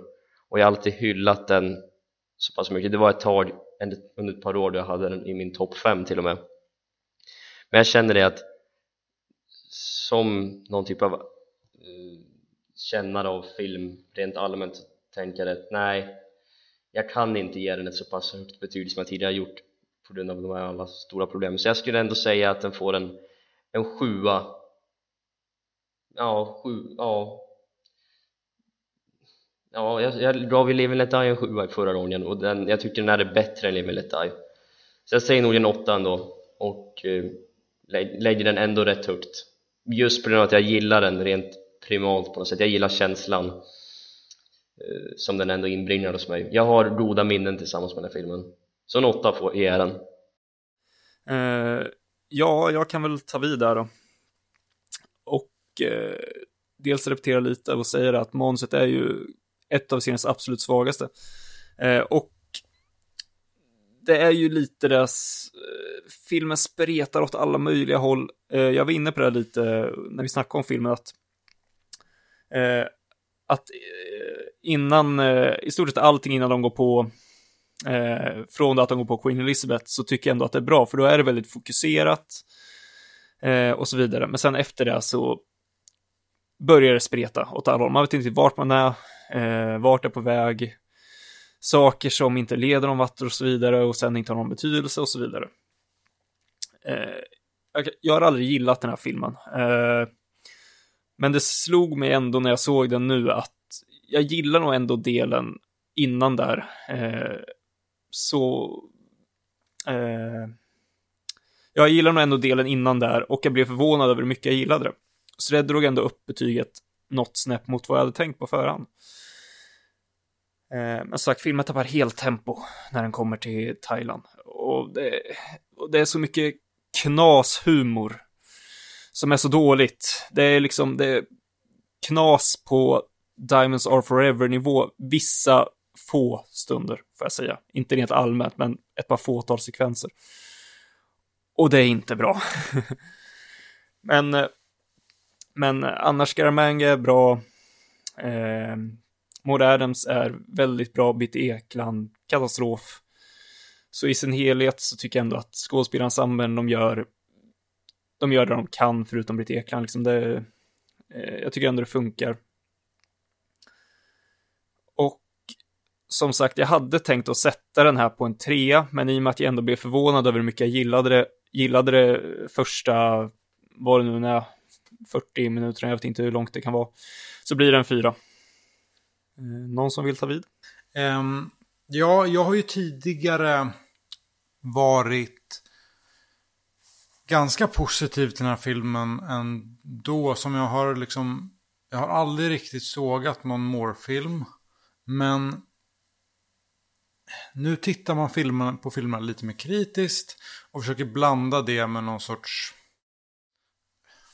väga det mot liksom underhållningsvärdet. Och det jag kommer fram till är att det här är en väldigt, väldigt ojämn film. För jag tycker faktiskt att eh, både Moore, Lee och Maud Adams, de är väldigt bra i sina roller. Och gör verkligen det de kan och lyfter de eh, rollerna liksom över manusstandarden, eller vad man ska säga. Um, och det finns ganska, ganska mycket bra dialog, som i alla filmer som Mankiewicz har haft sina fingrar på. Um, och det finns, jag är inte lika kritisk som du Emil, det finns en del skratt här som jag faktiskt, som jag, som jag gillar. Jag kanske är lite barnslig i min humor, jag vet inte. Um, och det finns några scener som jag tycker är rätt ikoniska. Lazar-scenen, Lazar, Lazar. Scenen, ehm, ja, vad, vad finns det mer för ikoniska scener som jag tänkte på? Jo, just det, på hotellrummet mellan Maud där. Ehm, och sen Scaramangas ö är också ganska ikonisk, även om det kanske inte är det bästa som finns i serien, så är det ändå ganska ikoniskt. Så det finns ändå en del positiva aspekter. Men sen är ju filmen, som ni sagt, den är helt ologisk. Um, plotten är helt ointressant. Det här med Solexen, vad det gör i filmen, ingen aning. Ehm, det finns knappt någon bra action. Båtjakten är väl det som jag tycker är bäst. Och det är ju liksom, det är väl knappt en actionscen. Den är, ja, väldigt långsam och sådär. Men dock ganska bra i och för sig. Eh, ja, kan fortsätta. Musiken är blek, det är en dålig låt. Scenografin är trist, hela filmen ser blek ut, den ser billig ut, vilket är, det är liksom, det finns en sak som en Bondfilm aldrig får vara, den får aldrig se billig ut. En Bondfilm måste alltid se ut som att just det där att alla pengar finns på duken, liksom allt ska synas och det gör inte den här. Och det är ju väl det som gör att, som vi pratade om, att det är lite tv-känsla på det. Så jag kan nog inte... Jag väger ihop det till ett någon sorts mellanbetyg. En femma. Fem av tio får det faktiskt bli. Den är, den är godkänd, precis som musiken, men inte så mycket mer. Ja. Nej, nu, nu tar jag vid utan att få ordet, men jag vet ju att jag är sist ut. Men jag tycker som Emanuel egentligen att eh, jag, är, jag tycker ändå om den här filmen. Ganska, ja, mer än vad ni gör kanske. Men eh, jag vet inte riktigt. Jag, eh, jag gillar filmen, men som ni säger, det finns ju en del riktigt, ja, det är trams på Diamonds of Forever nivå ibland faktiskt. Det, det håller jag med er om. Men jag, det finns ju en del ikoniska scener också. Jag slits mellan, jag ligger runt 5 av 10. Men jag skulle nog ändå ge filmen en 6 av 10. För att den är sämre än Live and Let Die tycker jag. Men jag, ja, jag vet faktiskt inte riktigt. Jag tycker den är, den är ja, lite bättre än godkänd, men inte så mycket mer. Actionet är, som Rickard var inne på, det, det finns liksom ingen bra action i filmen egentligen. Eh, Den är rätt blek. Mycket ser ut som att det är kuliss jämfört med Live and Let Die. Så att, eh, nej, jag, jag tycker det, det, det är 6 av 10. Det är knappt godkänt. Ja, eh, jag vill väl egentligen gå tillbaka lite eh, och vad ska man säga, lägga in en brasklapp eller vad man ska säga. Gör det. Jag tror att jag inledde med att säga att eh, jag aldrig gillat den här filmen, men det är ju lite en sanning modifikation, för det kan man väl förtydliga lite nu också, att jag gillar ju alla Bond-filmer, men i hela stora Bond-kontexten så gillar inte jag den här filmen så mycket som alla andra. Eh, men det, finns ju vissa Bondfilmer vi absolut inte gillar ja, heller. eh, ja, en som jag i alla fall verkligen inte kan stå för. Men, eh, men hur som, hur som. Exakt. Eh, jag gillar i alla fall den här filmen, även om man är kanske lite väl kritisk ibland. Men det var ju också lite Ja, syftet ja. med podden, att lyfta upp lite dåligt. Ja, exakt. Den filmen tar vi en annan dag. Ja, men jag gillar inte podd. Another Jag, day. jag gillar inte hyllningspoddar. Och det, det är inte det det här ska Nej. vara. Nej. Eh, Det känns, Man måste- det känns som att nu, nu när vi har kommit ett bra tag in i podden så känns det som att vi ändå har hyllat klart lite grann. jag, jag, jag har ju hyllat kopiöst i vissa filmer. Ja, men vi har hyllat, färd, vi har hyllat färdigt för det kommer rätt mycket såga ner-podd här framöver. Ja, alltså. spoiler. Nej, Ja, men, spo- ja, men det, det vet Ja, man ju att ja, andra, andra halvan av serien är ju oftast, eller oftast, är ju allmänt lite sämre än den första. Tycker jag ja men det är väl lite så det är allmänt. Eh, så ses det väl allmänt. Sådär. Ja, ja. Ja, det kommer ju lite hyllning. Ja, ja, men det, ja, ja, mer herregud. Det kommer komma fantastiska filmer eh, framöver Ja. också. Så så är det ju verkligen inte. Men Jag kommer ta fram stora bandsågen och såga ner vissa. yes. Så det, Mm. se fram emot det lovar jag. Det kommer bli en stor happening kan jag säga. Ja, det kommer. jag längtar. Eh, ja, Yes. vad ska vi göra nästa gång då?